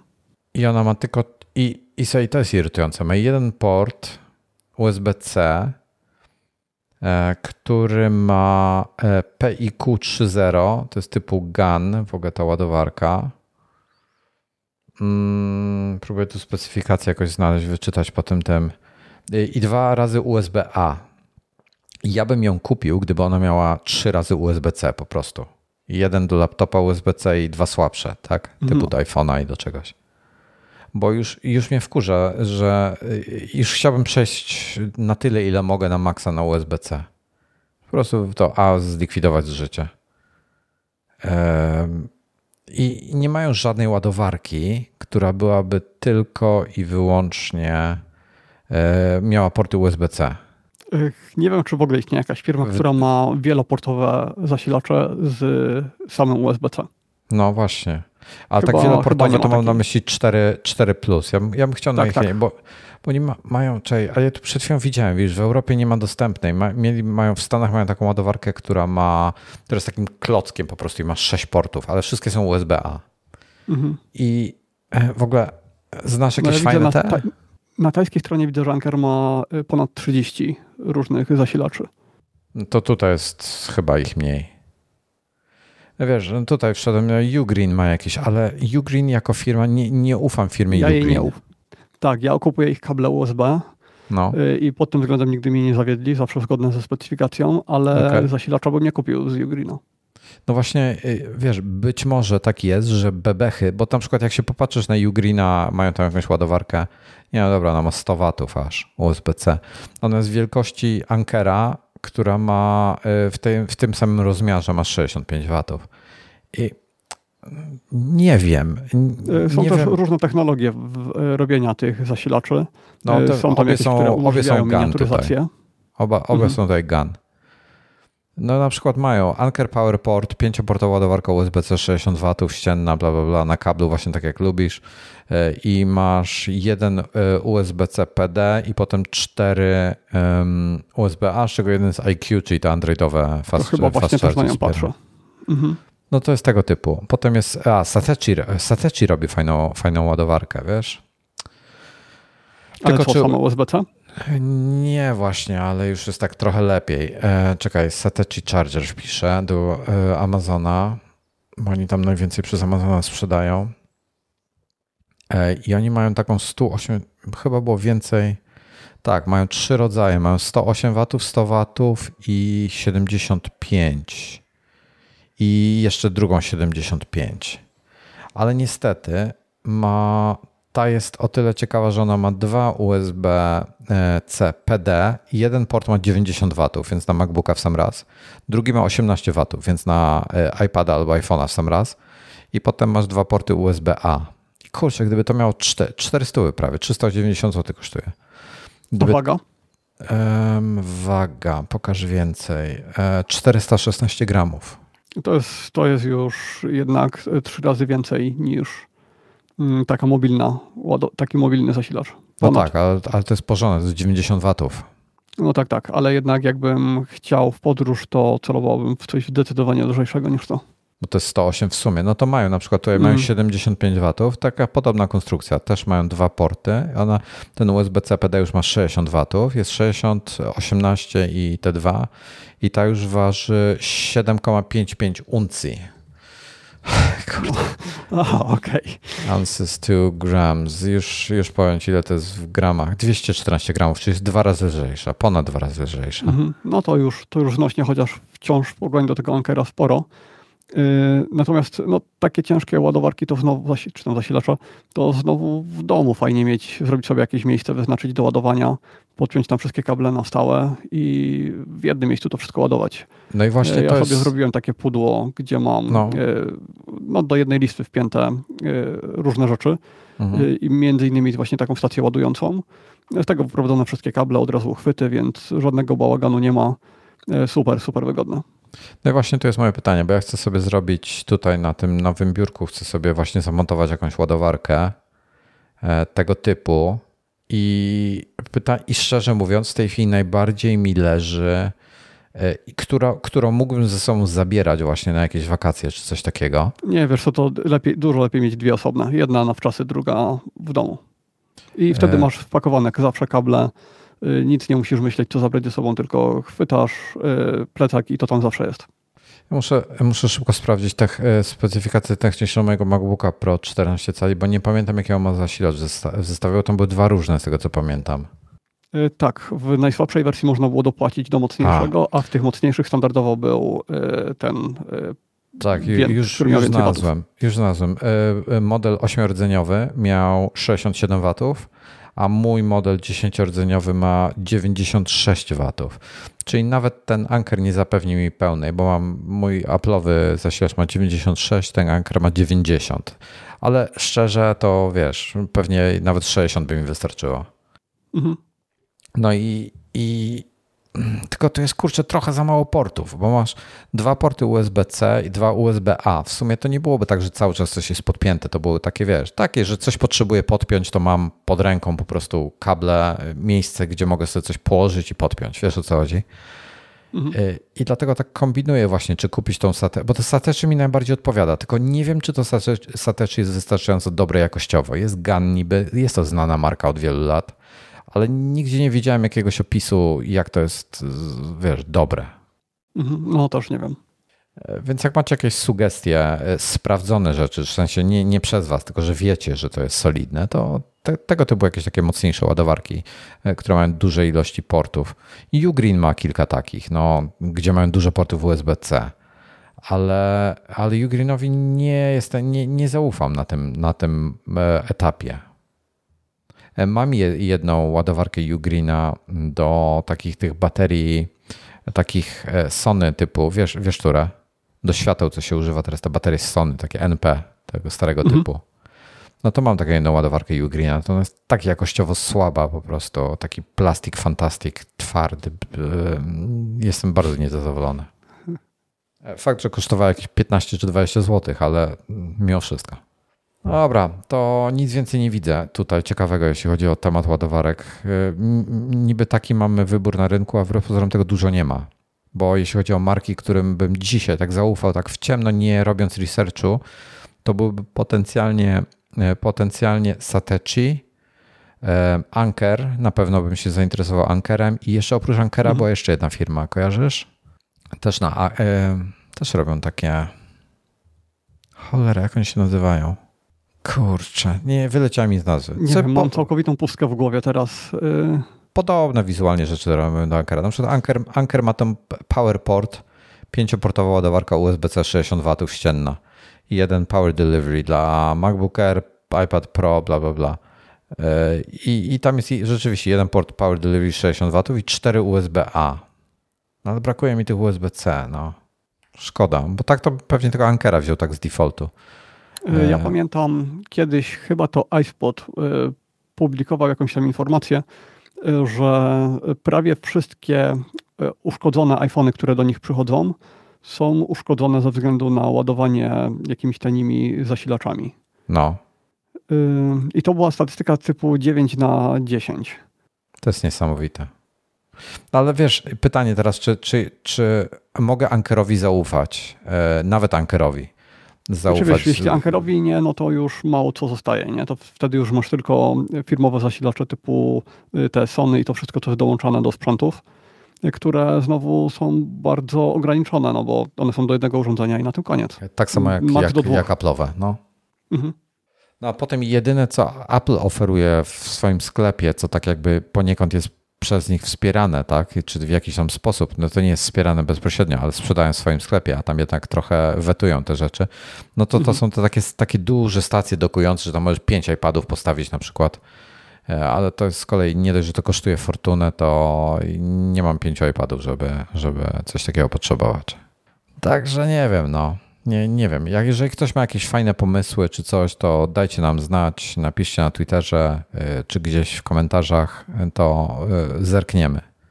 A do tych stacji ładują, do tych stacji dokujących, które hmm. rozważasz, do wszystkich są zasilacze dołączone, czy tylko do, e, do niektórych? Wiesz, że nawet nie wiem.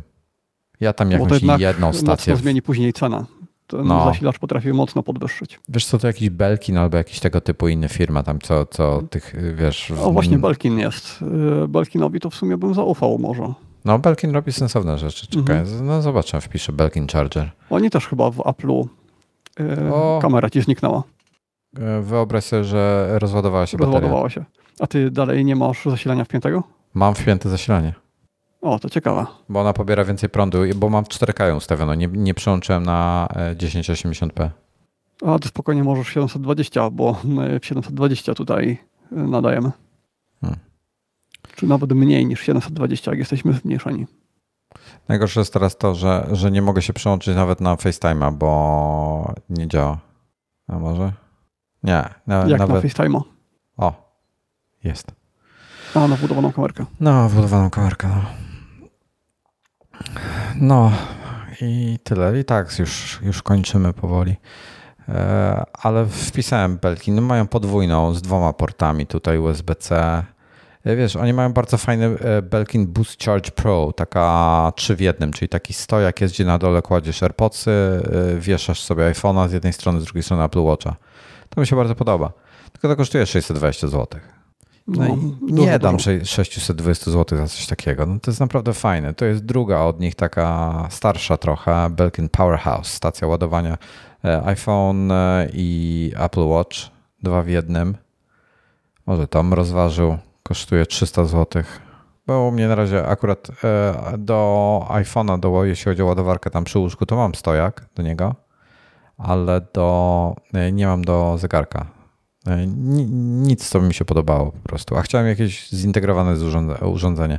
Tylko boję się, że Apple Watch zaraz jakiś kabel zmieni, tak jak teraz w tej nowej serii 7 zrobili, że się szybciej ładuje z, z tym nowym kablem i tą nową ładowarką.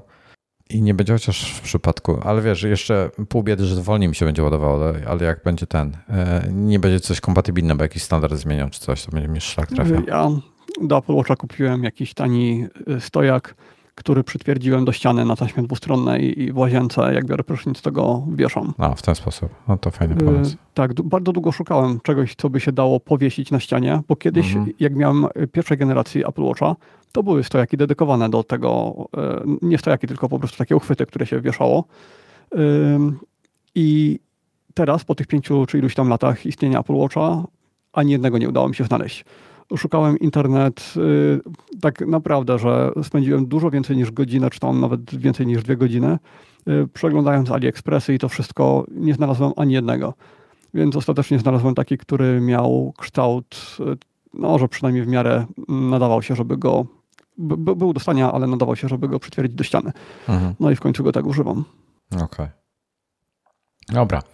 E, coś będę musiał, będę musiał finalnie kupić na razie, bo na razie nie, nie używam, ale ten, ale dajcie cynka, e, co wy używacie i myślicie, że jest fajne. I tyle chyba na dzisiaj. Czy coś jeszcze chcesz dodać, Tomku?